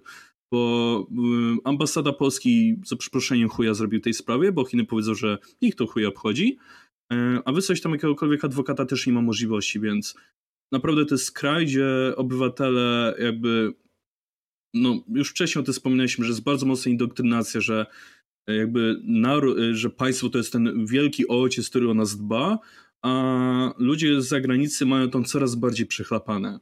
Więc naprawdę pod tym względem chyba bym na chwilę obecną uznał to chyba za taki najbardziej inwazyjny system polityczny. No, jest ku temu mocna przesłanka, znaczy sam system kontroli i nawet nasze doniesienia w briefach dotyczące tego, co tak. działo się e, w Hongkongu, tak? Także ja się mogę nawet z tym zgodzić, tylko ja mówię, i myślę, że różnica w naszych odpowiedziach polega na tym, że ty się skupiłeś nad systemem ogólnie globalnie, a ja nad takim systemem, który można byłoby faktycznie wprowadzić i działa w Europie. Mhm. Właśnie, właśnie myślę, że tutaj powinniśmy na tym się skupić. I dobrze, to jest. To znaczy, jest ty pokazałeś jedną perspektywę, mhm. ja drugą, tak. więc. No. No, więc fajnie macie większy zakres, także tak. super. A teraz Marcin tak zadał takie pytanie i to trzeba, trzeba odpowiedzieć, bo to dręczy go pewnie przez noce i dnie. Także czy my siedzimy w jednym mieszkaniu, w dwóch pokojach, łącząc się przez Discord, bo nie mamy Zooma? Drogi tak. Marcinie, dokładnie tak. Znaczy, o, pokażę. Ja mam możliwość. Dobra, pokażę. A ci co usłyszą, to opiszemy pięknie to. Tak, dobra, pokażę innego Zooma, bo mój nie wiem, bo nasz nie wiem gdzie leży. To jest pożyczony mhm. Zoom od Pawła. My mamy mhm. podobny, tylko że czarny i trochę inny model. I pomijając ten Zoom, to ten nasz to jest jedyny, który mamy. Mamy tam jedno wpięcie mikrofonowe. E, krawatówkę też mamy jedną, więc nie, mielibyśmy jak spiąć czegokolwiek innego, żeby rozmawiać wspólnie. E, a to, co chcemy kupić, to co jest opisane na Patronacie, no to jest to sprzęt z najwyższej półki, jakby nie patrzeć, bo Zoom H8 mhm. wyszedł całkiem niedawno. Umożliwia spięcie porządnych mikrofonów, które chcemy kupić, czyli te szury, które też są opisane na e, Patronite i chcemy akurat tego zooma, nie coś innego, co być może mogłoby wyjść taniej, z tego względu, że chcemy mieć też coś, co umożliwi nam nagrywanie podcastu mobilnie, czyli gdybyśmy na przykład nie chcieli zaprosić gościa do nas, tylko my byśmy do gościa pojechali. E, to wtedy możemy taki zestaw cały zabrać prosto w torbę i po prostu pojechać. Też pod tym kątem no, chcemy tak w pełni sprofesjonalizować podcast i kanał, więc dlatego takie, a nie inne wydatki. Tak, mieszkamy w mhm. jednym mieszkaniu. Pokój czarka ode mnie jest o, o, w tą stronę, za drzwiami, za korytarzem, więc tak, mieszkamy w jednym mieszkaniu już drugi rok właściwie. Dokładnie, także technicznie, znaczy tak, możliwość mamy, technikaliów nie mamy, tak w skrócie. No. I właśnie tu Filip widzę Wilhelm jeszcze nam dopracował jedno pytanie, które zadał tydzień temu. Right Unity to sojusz liberałów kapitalistycznych z osobami autorytarnymi, ale kapitalistycznymi, a Lib Unity to z liberałami światopoglądowymi, ale lewicowymi ze względu na gospodarcze. Z którymi ja bym się utożsamił? Z żadnymi. No. Z żadnymi, bo ani nie jestem skrajnie autorytarny, ani nie jestem skrajnie liberalny, światopoglądowy. Zresztą jak rozwiązywaliśmy kompasy, to wyszło. Jestem pomiędzy. Jestem lekko chyba fioletowej ćwiartce nową metodą, lekko w niebieskiej na starą metodę. Także jestem trochę pomiędzy. Mi jest ciężko powiedzieć, czy ja byłbym z tymi czystymi. Dlatego mi jest najbezpieczniej mówić, że jestem przyjacielem szeroko pojętego wolnego rynku, nie wchodząc w sprawy światopoglądowe, bo u mnie jest to trochę bardziej skomplikowane. No, ktoś musiałby odbyć ze mną po prostu rozmowę na spokojnie, żeby wyjaśnić te wszystkie takie niuansiki sobie, tak? Ale przyznam szczerze, że dużym problemem partii prawicowych jest to, że nie starają się e, jakby dojść do tych osób z lewicy, które e, są mocno światopoglądowe, a o gospodarce nic nie wiedzą. Na zasadzie, żeby ich też pod tym kątem światopoglądowym trochę tak przyciągnąć. Teraz partia możemy trochę próbuje to zrobić, tylko że pytanie, kiedy oni się rozrosną na tyle, żeby mieć jakikolwiek wpływ w polskiej polityce. To raz, a dwa, wiesz, sprawy światopoglądowe emocjonują, a sprawy gospodarcze no, racjonalizują. Nie oczekujmy, że wyborcy się nagle zracjonalizują. To znaczy... Wyborcy to jest grupa prowadzona przez emocje. Znaczy tak, tylko że mam bardziej na myśli to, że konfederacje mogłyby na przykład w sprawach LGBT, przypuśćmy przykładowo, zamiast pójść jakieś też działanie na emocji, że nie, nie, nie można hurdur, na przykład mhm. powinniśmy zlikwidować małżeństwa, kropka. Mogliby, ale to by nie zjadło w ogóle w polskim społeczeństwie. Wiesz, jak my jesteśmy sobie takimi podcasterami, którzy o tym powiedzą, to jest super, fajnie, jakieś wolne myślenie, ale w polityce coś takiego nie przejdzie. No bo jedni ich zaszczują, że chcą zniszczyć Kościół, e, co z tego, że ja popieram wolny rynek, ale chcą niszczyć Kościół, e, a lewica do nich nie pójdzie, bo to są wciąż wolnorynkowcy, tak? A oni twierdzą, że nie, no to to jest umieranie ludzi pod szpitalami. Także w polityce moim zdaniem nie ma miejsca na tak złożone koncepcje, jak my tu proponujemy, bo przedstawienie ich w mediach nawet byłoby arcy, arcy trudne. Znaczy, no niestety tak. Zresztą sam przyznał to Sławek Mencen y, w rozmowie z Moniką Jaruzelską, gdzie powiedział, że gdy on szedł do Konfederacji, ustalał jakby program działania, to wszystkim mhm. powiedział, ej, słuchajcie, musimy zacząć działać na emocjach, bo to za zażera w polityce. No i rzeczywiście u nich to działa. Więc no, no dokładnie niestety. To. Niestety polityka to jest miejsce na proste, łatwe do przetrawienia przez emocjonalny system pierwszy naszego umysłu, jak to pisał Kahneman, informacje. Dobrze. Um, wiesz co? Kurczę. Tak patrzę, że następne pytanie nam się ładnie powiąże, bo co sądzimy o słowach kolegi Szymona z Wykopu, który twierdził, że Korwin to bardziej mąż stanu niż polityk, bo nie mówi tego, co ludzie chcą usłyszeć, a mówi, co, a mówi prawdę. Z tą prawdą można polemizować, ale mówi to, co myśli, o z całą pewnością. Um, wiesz co, mi się przypomina wypowiedź naszego kumpla wspólnego z koła naukowego, Karasia. Byliśmy kiedyś na piwie po kole naukowym z Karasiem i on powiedział coś takiego. On już był tak, tak po nie wiem, dwóch chyba piwerkach czy trzech. E, był zresztą u nas wtedy jeden z członków e, Misesa, tylko czekaj, który Benedyk? to z nich był? E, tak, Benedyk był u nas wtedy, dokładnie. I tak siedzimy z Benedykiem przy piwie i nagle Karaś wypala. Korwit głupi jakiś. Ja mówię, czemu? Wiesz co, on mógł sobie mieć taki wieczny szacun w ludziach, tylko zrobił jeden błąd życiowy. Ja mówię, jaki?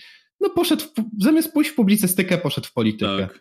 I tak, ja się najbardziej zgadzam z tym stwierdzeniem. Korwin to mąż stanu. Ja bym powiedział mąż stanu albo ewentualnie publicysta, w ciele, tylko żyje w świecie politycznym. I te, tak, ja się mocno zgodzę z tym stwierdzeniem, tylko e, jednocześnie zaznaczyłbym jedno. Korwin chyba jest tego nawet trochę świadomy on w wywiadach nawet mówił, że on by nie poszedł w politykę, gdyby nie prośby chyba Kiślowskiego, jeśli dobrze pamiętam. E, ki, ki, tak? Kisiel mu to mówił? Nie pamiętam. E, no, ktoś mu tam mówił, ale chyba, chyba, chyba chodziło o Kiśla, że, że poszedł w politykę i tak i dlatego właśnie teraz babra się w polityce od tylu lat, jak to stwierdza. Więc ja myślę, że on jest tego świadom nawet trochę, że on jest troszeczkę z innego gatunku, albo jest nie tym gościem, nie w tym miejscu, ale jakby z tego powiedzmy, że przez lata korzystał, tak? A w tej chwili zaczęła ta formuła się trochę wypalać. Znaczy powiem tak, biorąc pod uwagę, jak już bardzo rozrosła się Konfederacja, ilu ma liderów de facto, no myślę, że Korwinowi spokojnie można by zasugerować, że tak na starość, hehe, mógłby mhm. zostać właśnie takim publicystą się trochę od tej polityki tak. już tak odczepić, nie? Znaczy tak, odczepić znaczy, pod kątem niech, partyjnym. Niech nadal będzie tym takim duchowym, powiedzmy, opiekunem ruchu wolnościowego i tyle. Tak, I to by było super. E, nie, mam, nie ma nic złego w tym, co słuchasz. A co z Hot 16 towarzysza Michała? E, powiem tak, wciąż nie ma w tym nic złego, ale jednocześnie wątpię, aby ta 16 znalazła się na czyjejkolwiek playliście na YouTubie. Ulubionych utworów, czegoś takiego. Znaczy, jak to mówi mój tata, o gustach się nie dyskutuje, ale jakoś już jak najbardziej. Także można krytykować, ale nie ma, to nadal nie spowoduje, że dana osoba jest zła, bo czegoś tam słucha i tyle. Tak, e, i jeśli chodzi o kolejne pytanie do Filipa, mhm. ma podstawowe pytanie do akapu. Czy w akapie mama może mi kazać jeść mięsko? To, że nie muszę jeść ziemniaczków, może być przymusową wymianą chęci mamą. Powiem tak, to, to zależy jak się interpretuje no. posiadanie dzieci, bo zawsze tak. może dojść do sytuacji, gdzie mama stwierdzi, że zagładzanie ciebie jest spoko, no i masz problem. I nie ma ani ziemniaczków, ani mięska. Więc chyba, chyba tylko... już lepiej, żeby cię zmuszało do jedzenia mięska. Ale Dawid, spaliłeś, powinieneś dokończyć. Nie ma ziemniaczków ani mięska, za to jest Rosja radziecka. Obudził się we mnie poeta. Dobra, ale poważnie, tak, do tego się rozbija ta dyskusja. Czy wierzymy, jak, jak pisał Rothbard, że dzieci są własnością, czy jednak wierzymy w to, co mówił Rothbard pod koniec swojego życia, że e, dzieci chyba nie do końca są naszą własnością, że, że to jest samostanowiący człowiek, tylko jeszcze po prostu nie ogarnie. Także ja raczej bym powiedział, tak, mama ma prawo kazać ci jeść mięsko, ale ja jestem paleolibertarianinem. Ja uważam, że tradycje czy jakieś takie podstawowe więzi społeczne typu rodzina mają duże znaczenie. Czyli tym bardziej jedz mięso. Jak to ty zawsze zamawiasz jedzenie z fast fooda, to mówisz mieszane, bo muszą umrzeć co najmniej dwa stworzenia. Dokładnie tak. Okay. A ja nie, ja zawsze, zawsze jedno mięsko. No ale dawaj dalej. E, kolejne pytanie od Filipa, ale już z tego co widzę ostatnie. E, co sądzicie o klonowaniu ludzi bez kombinowania w ich genach? Wciąż niebezpieczne, ale ze względów politycznych. Wyobraź sobie, że Chiny zaczynają sobie klonować armię. Wyobraź sobie, że zaczynamy klonować e, ludzi w sposób nieodpowiedzialny i nie jesteśmy w stanie ich wykarmić. Wyobraź sobie, że zaczynamy klonować ludzi. No i załóżmy, że, że no nie kombinowaliśmy w ich genach, ale w procesie coś nie pykło. Masa ludzi od razu by się oburzyła, że kwestie etyczno-moralne zostały tutaj strzegane. Także. Tymczasem Chiny. XD. Tak, Chiny miały na to wywalone oczywiście, tylko ja tutaj zaznaczam po prostu, wciąż bez kombinowania w genach to może mieć swoje bardzo negatywne skutki i pragnąłem to zaznaczyć. Znaczy myślę, że bardzo szybko doszłoby do przeludnienia Ziemi, chyba że Chiny by zajęły całą ludzkość, wymordowały wszystkich ludzi, na końcu by stwierdzić, że stop. Klonowanie nie może być złe, jeśli nie ma żadnych innych ludzi. Dokładnie, Dokładnie to. Ech, o, kolejne pytanie widzę bardziej do mnie niż do ciebie. Zobaczymy. Jakie są nasze ulubione zespoły metalowe, pyta Sheriff of Internet. Muszę się przyznać, że słuchanie tej samej muzyki od pół roku jest czasem nużące, wypadało znaleźć by coś nowego. E... Dawid, czy ty w ogóle mógłbyś wskazać jakiś zespół czy artystę metalowego, który ci się podoba? Raczej nie, bo żadnego jakoś wybitnie nie słucham. To znaczy kiedyś miałem taką lekką zajawkę na tego Zborna, ale to było bardzo krótko. E... Mhm. To, co ostatnio mi puszczałeś, to Pandanium? Pandemonium. To też mi całkiem spoko leżało, ale musiałbym się, musiałbym znaleźć jakiś czas, żeby się samemu to wszystko słuchać i stwierdzić, czy mi to ostatecznie leży. E, po, może powiem tak, za mojego, ja generalnie byłem wychowywany w muzyce rockowo, no czy metalowej to ciężko mi powiedzieć, ale na pewno rockowej. E, później sam siebie miałem jakiś odchływ w stronę hip-hopu, jakoś już mi to tak zostało i tam już w tym kierunku zacząłem się rozwijać.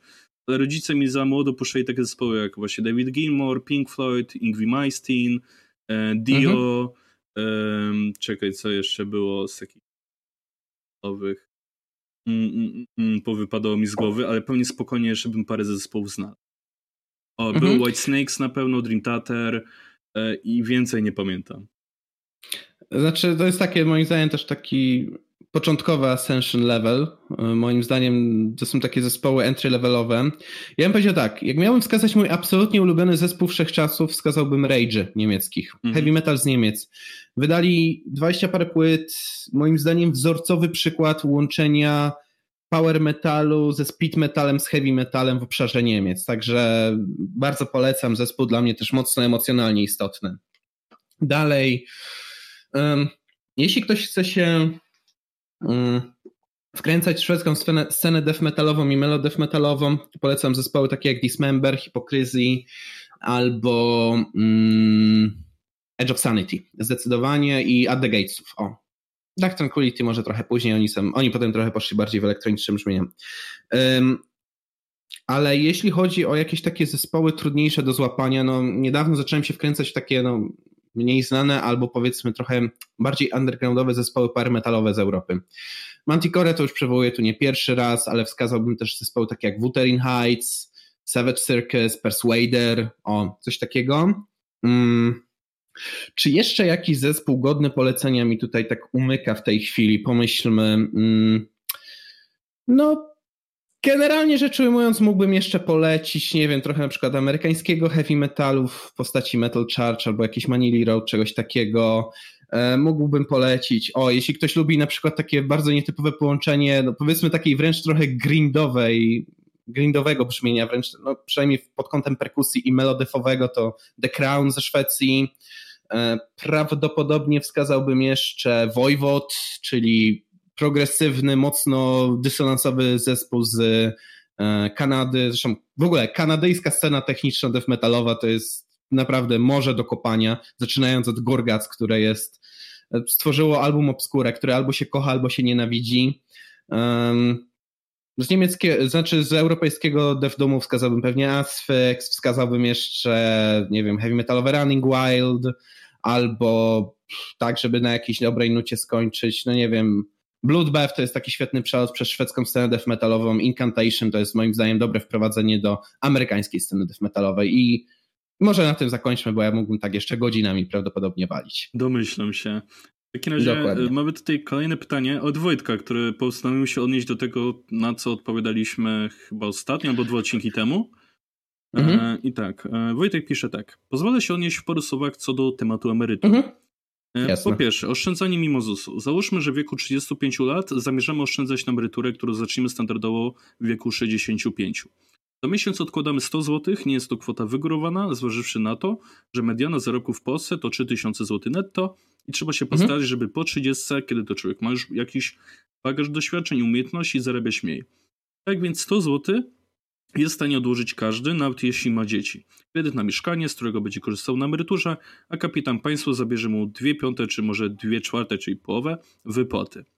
Mężczyzna mhm. średnio na emeryturze żyje 10 lat. Prosta matematyka. Jeśli odkładamy 100 zł miesięcznie w czasie swojej pracy, to nasza emerytura powiększa się o 300 zł miesięcznie.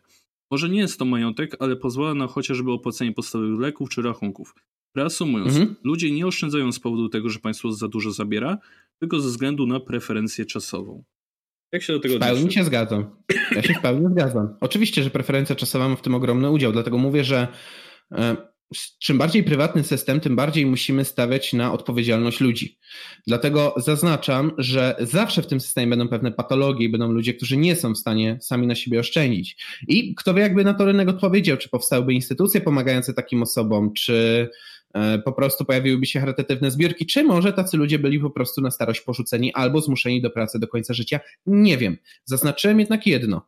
Nie wprowadzałbym tego systemu w obecnych realiach. Bo tu zaznaczyłeś, e, Wojtku, e, w swoim komentarzu, że no, zakładasz takie, powiedzmy, takie dochody jak teraz, i taki ucisk fiskalny jak teraz. Jasne, w obecnej sytuacji też bym nie wprowadził systemu prywatnych emerytur, ale mówiłem o tym, że konieczne jest, konieczne jest rozpoczęcie reformy systemu ZUS-owskiego, ponieważ to jest system, który całą pewnością zaprowadzi nas w ciemne miejsce, że tak się ładnie wyrażę. Natomiast jeśli pragniemy iść ku jakiemuś światłu w tym zakresie, musimy ten system zmienić i prawdopodobnie będzie wiązało się to z częściową prywatyzacją tego systemu. To znaczy, część odpowiedzialności będzie trzeba złożyć na ludziach. No i tak, w zależności od ich preferencji czasowej mogą różnie na to reagować, dlatego nigdy nie mówiłem o tym, żeby, no że tak powiem, całym tym systemem po prostu przywalić w twarz niespodziewanie. Tak. No znaczy nie, no generalnie no. jak najbardziej da się odkładać, jak ktoś mhm. trochę ogarnął sobie życie. E, co też trochę nie zmienia faktu, że problemem dużym u nas w systemie edukacji jest to, o czym wspominał Michał Szafrański, że dzieci mhm. w ogóle nie uczy się zarządzania pieniędzmi. W ogóle. Mhm. Rzadko który rodzic umie nauczyć swoje dziecko tego i w ogóle to robi. E, sam Michał Szafrański wspomniał, że jak już dojdzie do momentu, kiedy ma jego jakby majątek pieniężny już jest tak duży, że nie musi już jakby jakichś projektów komercyjnych robić już do końca swojego życia, to wspominał, że bardzo chętnie będzie chciał odpalić projekt, który polega na tym, żeby wejść do szkół i zacząć mhm. dzieci nauczać w ogóle oszczędzania pieniędzy, pieniędzy i w ogóle zarządzania swoim majątkiem. Też, też rozkręcił odcinek swojego podcastu, jak rodzice mogą uczyć swoje dzieci zarządzania pieniędzmi. Mhm. I też uważam, że jest to bardzo ważne, ponieważ jeśli zaczniemy uczyć dziecko tego, jak już jest młode, to też dużo łatwiej będzie mogło dziecko już w przyszłości zacząć odkładać jakieś pieniądze właśnie na emeryturę, może na mieszkanie jakiś wkład własny i tak dalej, i tak dalej. Więc trzeba wziąć pod uwagę, że to też jest bardzo ważne, że to też trochę wina systemu, a nie tylko i wyłącznie preferencji czasowej, że ludzie mają problem z oszczędzaniem pieniędzy. pieniędzy. E, I drugi tutaj argument, który przywrócił tutaj Wojtek, to jest inflacja i już czytam o co dokładnie chodzi. E, mówi, że mój argument o istnieniu inflacji jest bez sensu, dlatego że można go zastosować również do obecnego systemu.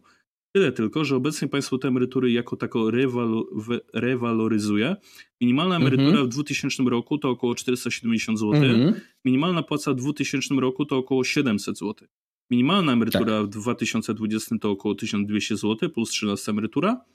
Minimalna płaca w 2020 roku to około mhm. 2600 zł.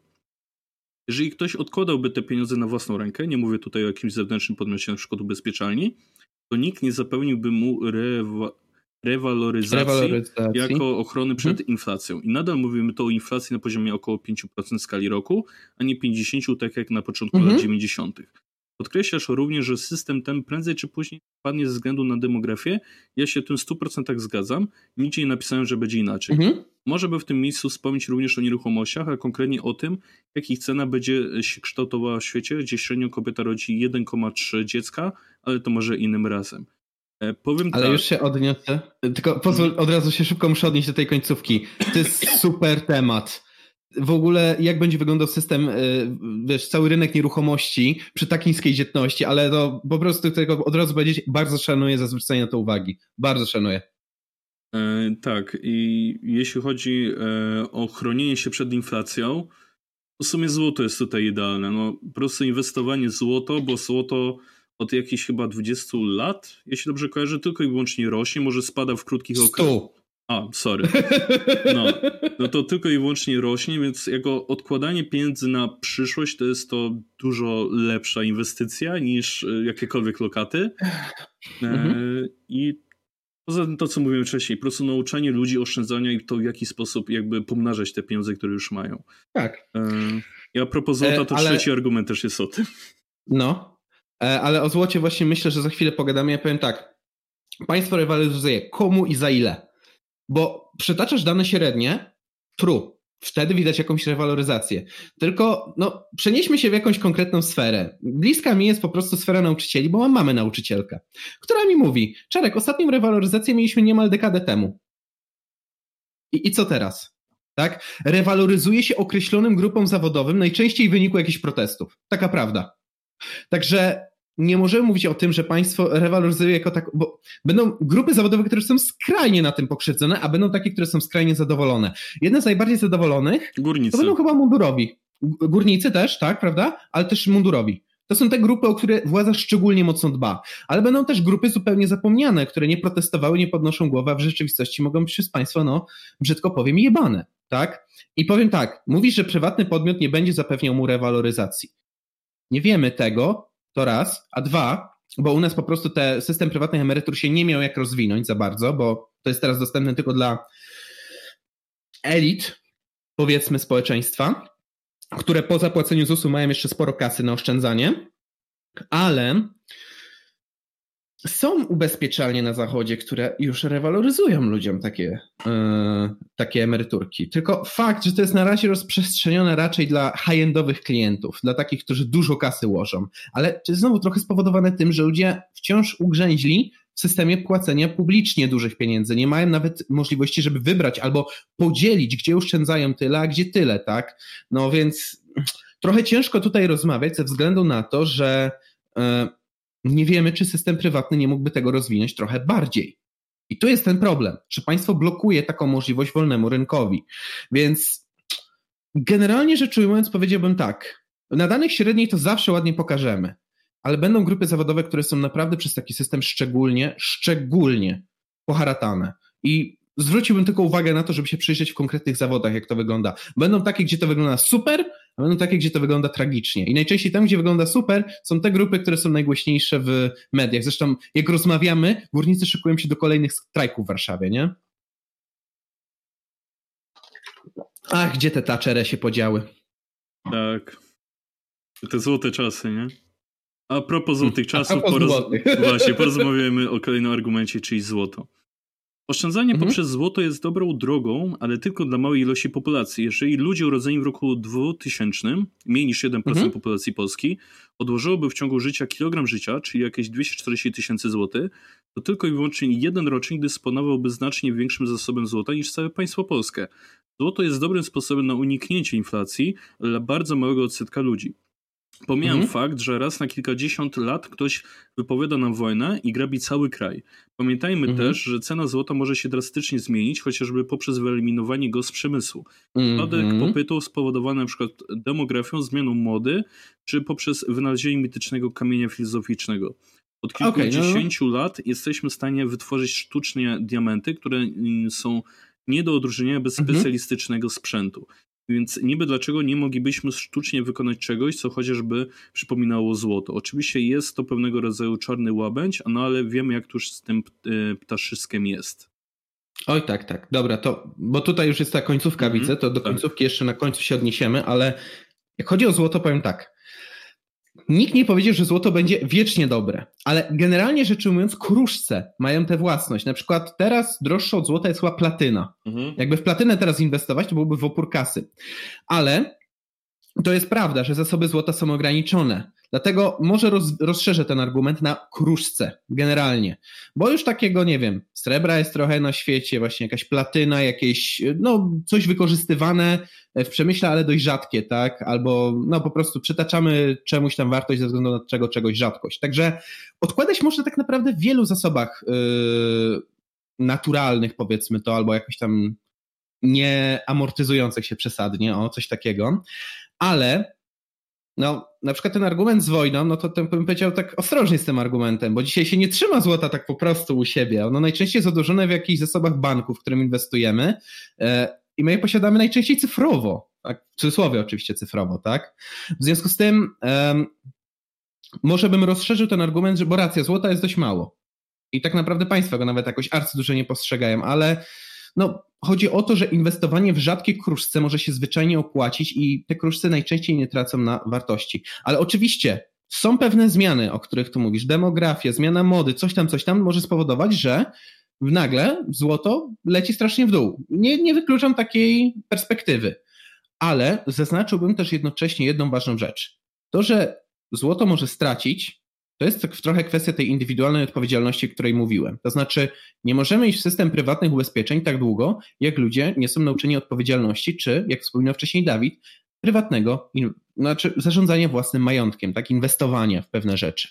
E, nie oczekuję, że teraz lwia część Polaków po prostu rzuci się na złoto i zacznie w to w pełni świadomie inwestować, bo nie mają o tym pojęcia. Ba, niedawno nawet rozmawiałem z moim ojcem na temat tego, w co teraz inwestować, żeby zachować wartość. Jak mu powiedziałem, że w złoto może inwestować, nawet w niewielkiej ilości, to przeżył absolutny szok.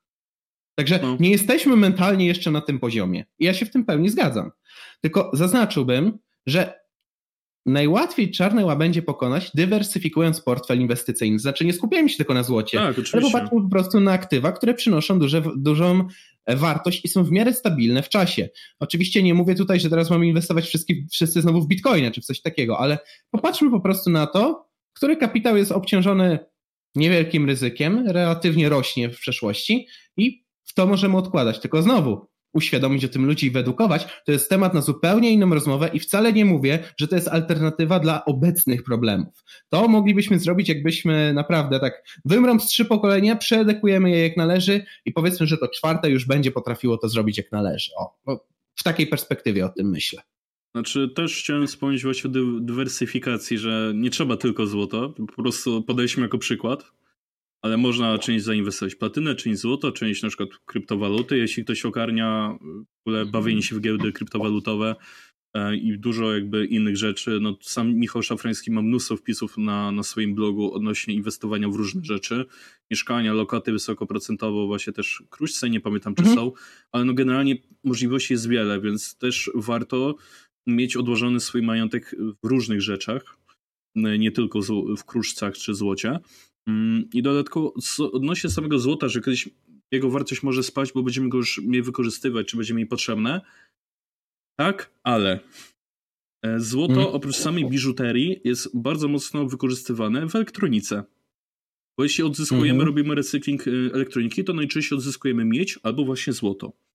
Więc, e, a nie szukujmy się, z elektroniką będziemy prawdopodobnie żyć jeszcze bardzo, bardzo, bardzo, bardzo, bardzo długo. Więc mhm. zgaduję, że złoto oczywiście może jego wartość kiedyś spaść, ale wątpię, żeby to miało miejsce na przykład za naszego życia. Bo z jednej strony no, złota jest i coraz mniej, a z drugiej strony jest cały czas wykorzystywane w elektronice i wątpię, żeby długo znaleźli coś, co złoto w elektronice zastąpi. Więc pod tym kątem złoto mimo wszystko jest bardziej bezpieczne niż ZUS na pewno.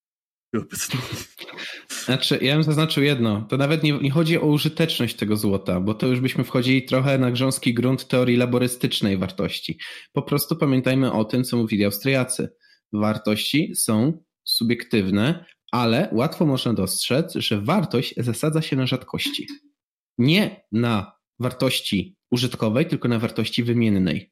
W związku z tym, jako że złoto ma ograniczoną podaż, no bo możemy go wykopać tylko tyle, to tak długo jak nie znajdziemy jakichś ogromnych pokładów złota w przestrzeni kosmicznej, które będziemy w stanie wydobyć, tak długo złoto raczej zachowa wartość i będzie ją zwiększało, tak? Bo pamiętajmy, wartość towaru nie zależy od tego, jak bardzo jest użyteczny.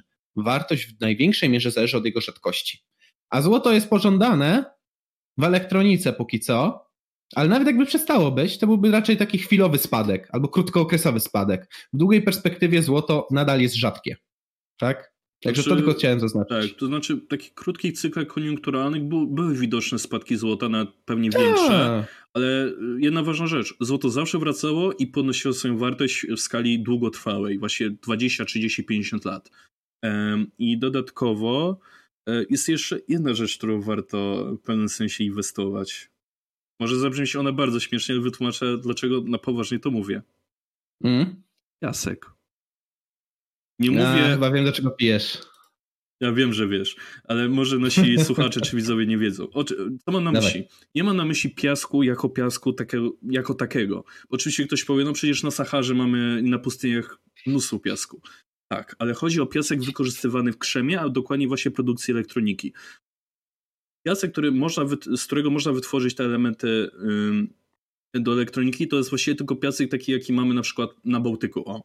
To, jest mniej mhm. więcej taki rodzaj piasku. I tego piasku jest cholernie mało na naszej planecie. Jest go coraz mniej.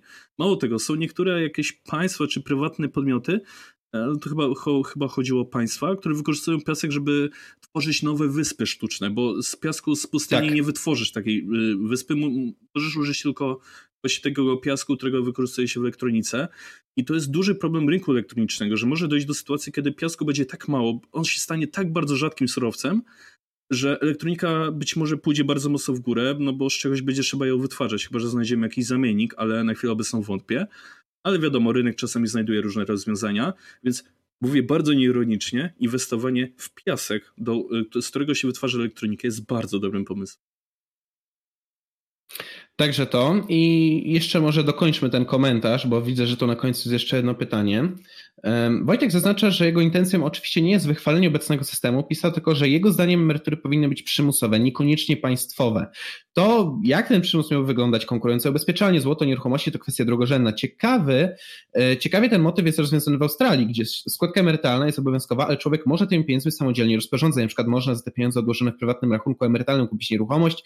Zdaje się, że pieniądze te podlegają również dziedziczeniu. Podobny system jest zresztą w, e, w Szwajcarii, o której wspominałem. Także tak, ja się najbardziej, najbardziej zgadzam, że w obecnych czasach taki przymus, ale po, połączony z urynkowieniem systemu, to jest krok w dobrą stronę. Jak najbardziej popieram to rozwiązanie na ten moment, tak? W sensie być może kiedyś społeczeństwo stanie się bardziej świadome, dzięki czemu będzie możliwe jeszcze bardziej sprywatyzowanie tego, celem zwiększenia efektywności zwyczajnie, ale na dany moment jak najbardziej zgadzam się z tym stwierdzeniem. To nie ma w nim nic złego absolutnie, tak? Także e, nie należy odbierać też naszych słów jako coś, że no, no już teraz wprowadzimy prywatę i będzie dobrze na pewno. No i na końcu ma jeszcze małe pytanie nas Wojtek. Jak naszym zdaniem będzie wyglądał system emerytalny w najbliższych kilkudziesięciu latach? Emeryci będą wymuszać na rządzie kolejne przywileje kosztem młodych, czy może wręcz przeciwnie, młodzi się zbuntują i zostawią emerytur, e, emerytów samych sobie? No już lepiej chyba zostawić samych sobie niż ich wieszać na latarniach, ale wracając do sedna. Ogólnie rzecz ujmując, jak sobie o tym myślę, to powiem tak. Młodzi tak długo się nie zbuntują, jak nie poczują tego mocno po kieszeni. To znaczy, Przywileje emerytalne będą rosły, rosły, rosły i rosły. Mamy starzejące się społeczeństwa, to jest po prostu gwarant dużej ilości głosów w czasie wyborów, więc władza będzie dbała o emerytów. Tylko i wyłącznie na tym się skupi, bo w krótkim okresie to jest zyskowne. Znaczy, pozwól, że tylko dodam jedną rzecz. Nie wiem, czy część z Was wie, ale ta kwota brutto, którą macie podawaną na umowie, czy dostajecie, czy sobie wyliczycie, to nie jest cały koszt pracodawcy na Was jako pracownika. Jeszcze jest coś, co się nazywa kwotą brutto-brutto, więc de facto pracodawca na was ułoży dużo więcej pieniędzy niż, niż, może się wam wydawać. I pytanie, czy nie dojdzie do sytuacji, gdzie państwo te w koszty brutto brutto nie wrzuci jeszcze jakiejś naszej dodatkowej składki emerytalnej czy przyszłych pokoleń. Bo wtedy społeczeństwo młode tym bardziej nie będzie zauważać, że te pieniądze, które idą na emeryturę, to jest znaczna część ich wypłat. A raczej tego nie zrobią. Też wątpię, ale... Z tego powodu. Nie, bardzo prosty powód jest ku temu raczej nikogo nie będzie na to stać przy rosnących składkach emerytalnych i no ubezpieczeniowych, bo, bo to jest trochę powiązane. E, ale dużo ważniejsza rzecz przy tym, pracodawcy to jest mała grupa, która jakby to zrobiła, to sobie sama strzela w stopę, bo sami niczego nie zmienią. A młodzi, którzy są wściekli, bo płacą coraz więcej na ZUS, to jest grupa, która może coś wywrócić do góry nogami. Także wracając do mojej rozkminy. W długiej, w krótkiej perspektywie zawsze opłaca się pomóc emerytom w systemie takim jak nasz, który ma zaburzony zaburzoną demografię, w którym rodzi się 1,3 dziecka na rodzinę, tak? Ale generalnie rzecz ujmując, w którymś momencie nastąpi ten punkt przegięcia. W którymś momencie obywatele będą mieli dość kolejnego podniesienia składki ZUS-owskiej albo ZUSI. pracodawcy będą mieli go dość. Pracodawcy powiedzą, dobra, podnieśli nam składkę. Ja wam już nie podniosę, nie odliczę tego, będę wam płacił mniej po prostu. Dopiero jak ludzie to odczują po kieszeni, zareagują. Zawsze tak jest. To znaczy, nie oczekujmy, że ludzie zareagują w wyniku nawoływań teoretyków, takich jak ja na przykład, bo się zajmuję ekonomią. Nie, nie, nie. Reakcja następuje, jak odczują to sami po kieszeni. Innymi słowy, rząd musi to podnosić tak długo, aż ludzie się wkurwią i zacznie po prostu wszystko rozpierdalać. Jest opcja Dopiero też, wtedy jest też opcja numer reakcja. 3. No. ZUS, y, długi ZUS-u przejdą na dług publiczny i przyjdzie taki kryzys, że ludzie tak i tak poczują to po kieszeni. A czy wtedy w ogóle upadnie system emerytalny, także o czym to w ogóle mówić, nie? Znaczy, ale... bardzo wątpię, żeby on przeżył coś takiego. No, te, też wątpię, ale no, biorąc pod uwagę, jak rośnie także... nas dług y, nie, y, ukryty tak zwany, to, to, to tak coraz bardziej mam obawy, że ten ZUS w końcu wyjdzie nam. E... Wiecie, problem jest taki, że dług ukryty jest czterokrotnie wyższy niż ten realny. Wyobraźcie sobie, że nagle wszystkie zadłużenia naszego, zadłużenie naszego państwa rośnie czterokrotnie. No. Przecież kurna, my jesteśmy w ogóle my bylibyśmy taką czarną plamą na, na mapie inwestorów, tak? O, omijać ten kraj z daleka. To jest, to, to, mówimy o załamaniu gospodarczym, które no naprawdę przebiłoby, przebiłoby chyba załamanie z 29 roku, przynajmniej dla nas. Oczywiście państwo może sobie potem ogłosić bankructwo, stwierdzić walcie się, niczego nie spłacimy, ale nadal spadły nam ratingi kredytowe, więc nadal Wychodzenie no-go zone, tak. no-go zone dla inwestorów. Więc Mówimy tutaj o, o czymś, co może dosłownie sprowadzić państwo polskie na kolana bardziej, bo już podobno jesteśmy na kolanach. Znaczy myślę, że wtedy to by ludzie naprawdę masowo zaczęli wyjeżdżać z kraju, tak gdziekolwiek. Znaczy, dziko, to, że wyjeżdżać, to jest małe piwo. Czy będą mieli za co wyjechać, czy będą mieli jak wyjechać? Ej, no zawsze, Nie wiesz, jak zareaguje władza. Wiesz, zawsze możemy zrobić jak Wenezuela i po prostu na piechotę wyjść z państwa. No, A właściwie spróbować wiem, to... wyjść. W kraju trzeciego świata, gdzie ludzie są przyzwyczajeni do takiego trybu życia, a w kraju pierwszego świata, który nagle stał się krajem trzeciego świata, wątpię, żeby to zadziałało. Ludzie byliby po prostu zbyt zmieszani z sytuacją. Nie umieliby się w niej odnaleźć. I pytanie, co się stanie wtedy ze społeczeństwem. Bo to mogła być prawdziwa katastrofa. Ale spójrz, jak bardzo ironicznie by wyglądało, gdyby ludzie, gdyby Polacy nagle zamiast z Ukrainy do Polski, to z Polski do Ukrainy zaczęliby się przenosić. No, na, dla nas teraz obecnie żyjących to jest dziwne, ale wtedy to by się stało normą pewnym, no. standardem. O raju. Dobrze. E, rozmawiamy już chyba dość długo, prawda? E, no, tak półtora godziny z lekkim hakiem.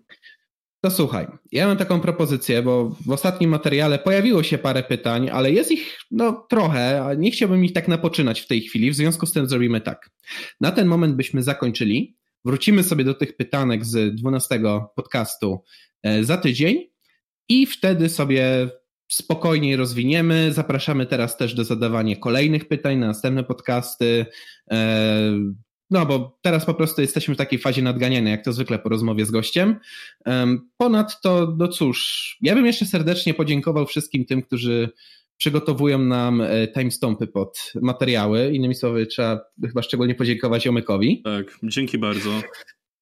Tak, i oczywiście, jak ktoś zrobi coś równie śmieszkowego, a nie wiem, poprawniej, nie wiem, alternatywnie inaczej, to zachęcamy też do wykonywania tego bo to nam, no, po pierwsze, bardzo pomaga po prostu w pozycjonowaniu takiego materiału, bo algorytm YouTube'a po prostu to robi, a po drugie, ułatwia oglądanie tym, których być może nie interesują wszystkie tematy, jakie tu poruszamy. Um, ogólnie trzeba by jeszcze na, na koniec przypomnieć um, o takim, takim czymś, co się nazywa um, Patronite bo, bo, bo tam są pieniążki. Oczywiście, przepraszamy, że ostatnio zapomnieliśmy o tych pytaniach, wyjaśniałem, byłem po prostu na chwilowym wyjeździe. E, w związku z tym już teraz wróciłem, pytania do patronów będą normalnie kierowane. Raz w tygodniu wysyłamy też maila do nowych patronów, żeby ich tam zaprosić, podziękować, zaprosić naszego Discorda, pododać im rangę. E, także tak, patroni, nie czujcie się zaniedbani. Już, już za tydzień wrócimy do tego tak jak należy. Um, czy jeszcze coś chciałbyś, Dawidzie, może dodać? Ja chciałem też podziękować obecnym patronom. I obecnie mamy chyba 115 zł miesięcznie, więc fajnie, zawsze coś. E. Podziękowanie dla Falefela, który nam wpłacił 20 zł na Tipa Life na, na Zachirka. Nie wiem, czy wykorzystamy Super. to na Zachirka, bo po, po, po odcięciu prowizji mamy tam 12 zł, więc szybciej piwo niż Zachirek, ale dziękujemy serdecznie, to też zawsze coś. E, I cóż, e, z naszej strony chyba będzie już wszystko. Jak zwykle. Przypomnijmy tylko może, że właśnie można nas posłuchać na Spotify, SoundCloudzie, Apple i Google. Dokładnie. Wspierać nas można na Patronite, na Tipo Life. Linki są oczywiście w opisie. Zapraszamy Discord? też na naszego Facebooka, właśnie Discorda, Twittera, Instagrama. Za bardzo się tam jeszcze nic nie dzieje, ale powoli na tym pracujemy. E, I mhm. cóż, e, życzę Wam udanego przyszłego tygodnia, choć nie wiem, czy będzie taki ciepły jak ostatni. E, bardzo dobrze. W sumie to tak, no ta jesień się w końcu już przyda. I cóż, mhm. do usłyszenia i do zobaczenia. Cześć. Eluwina, mordeczki. Boże, jaki cringe.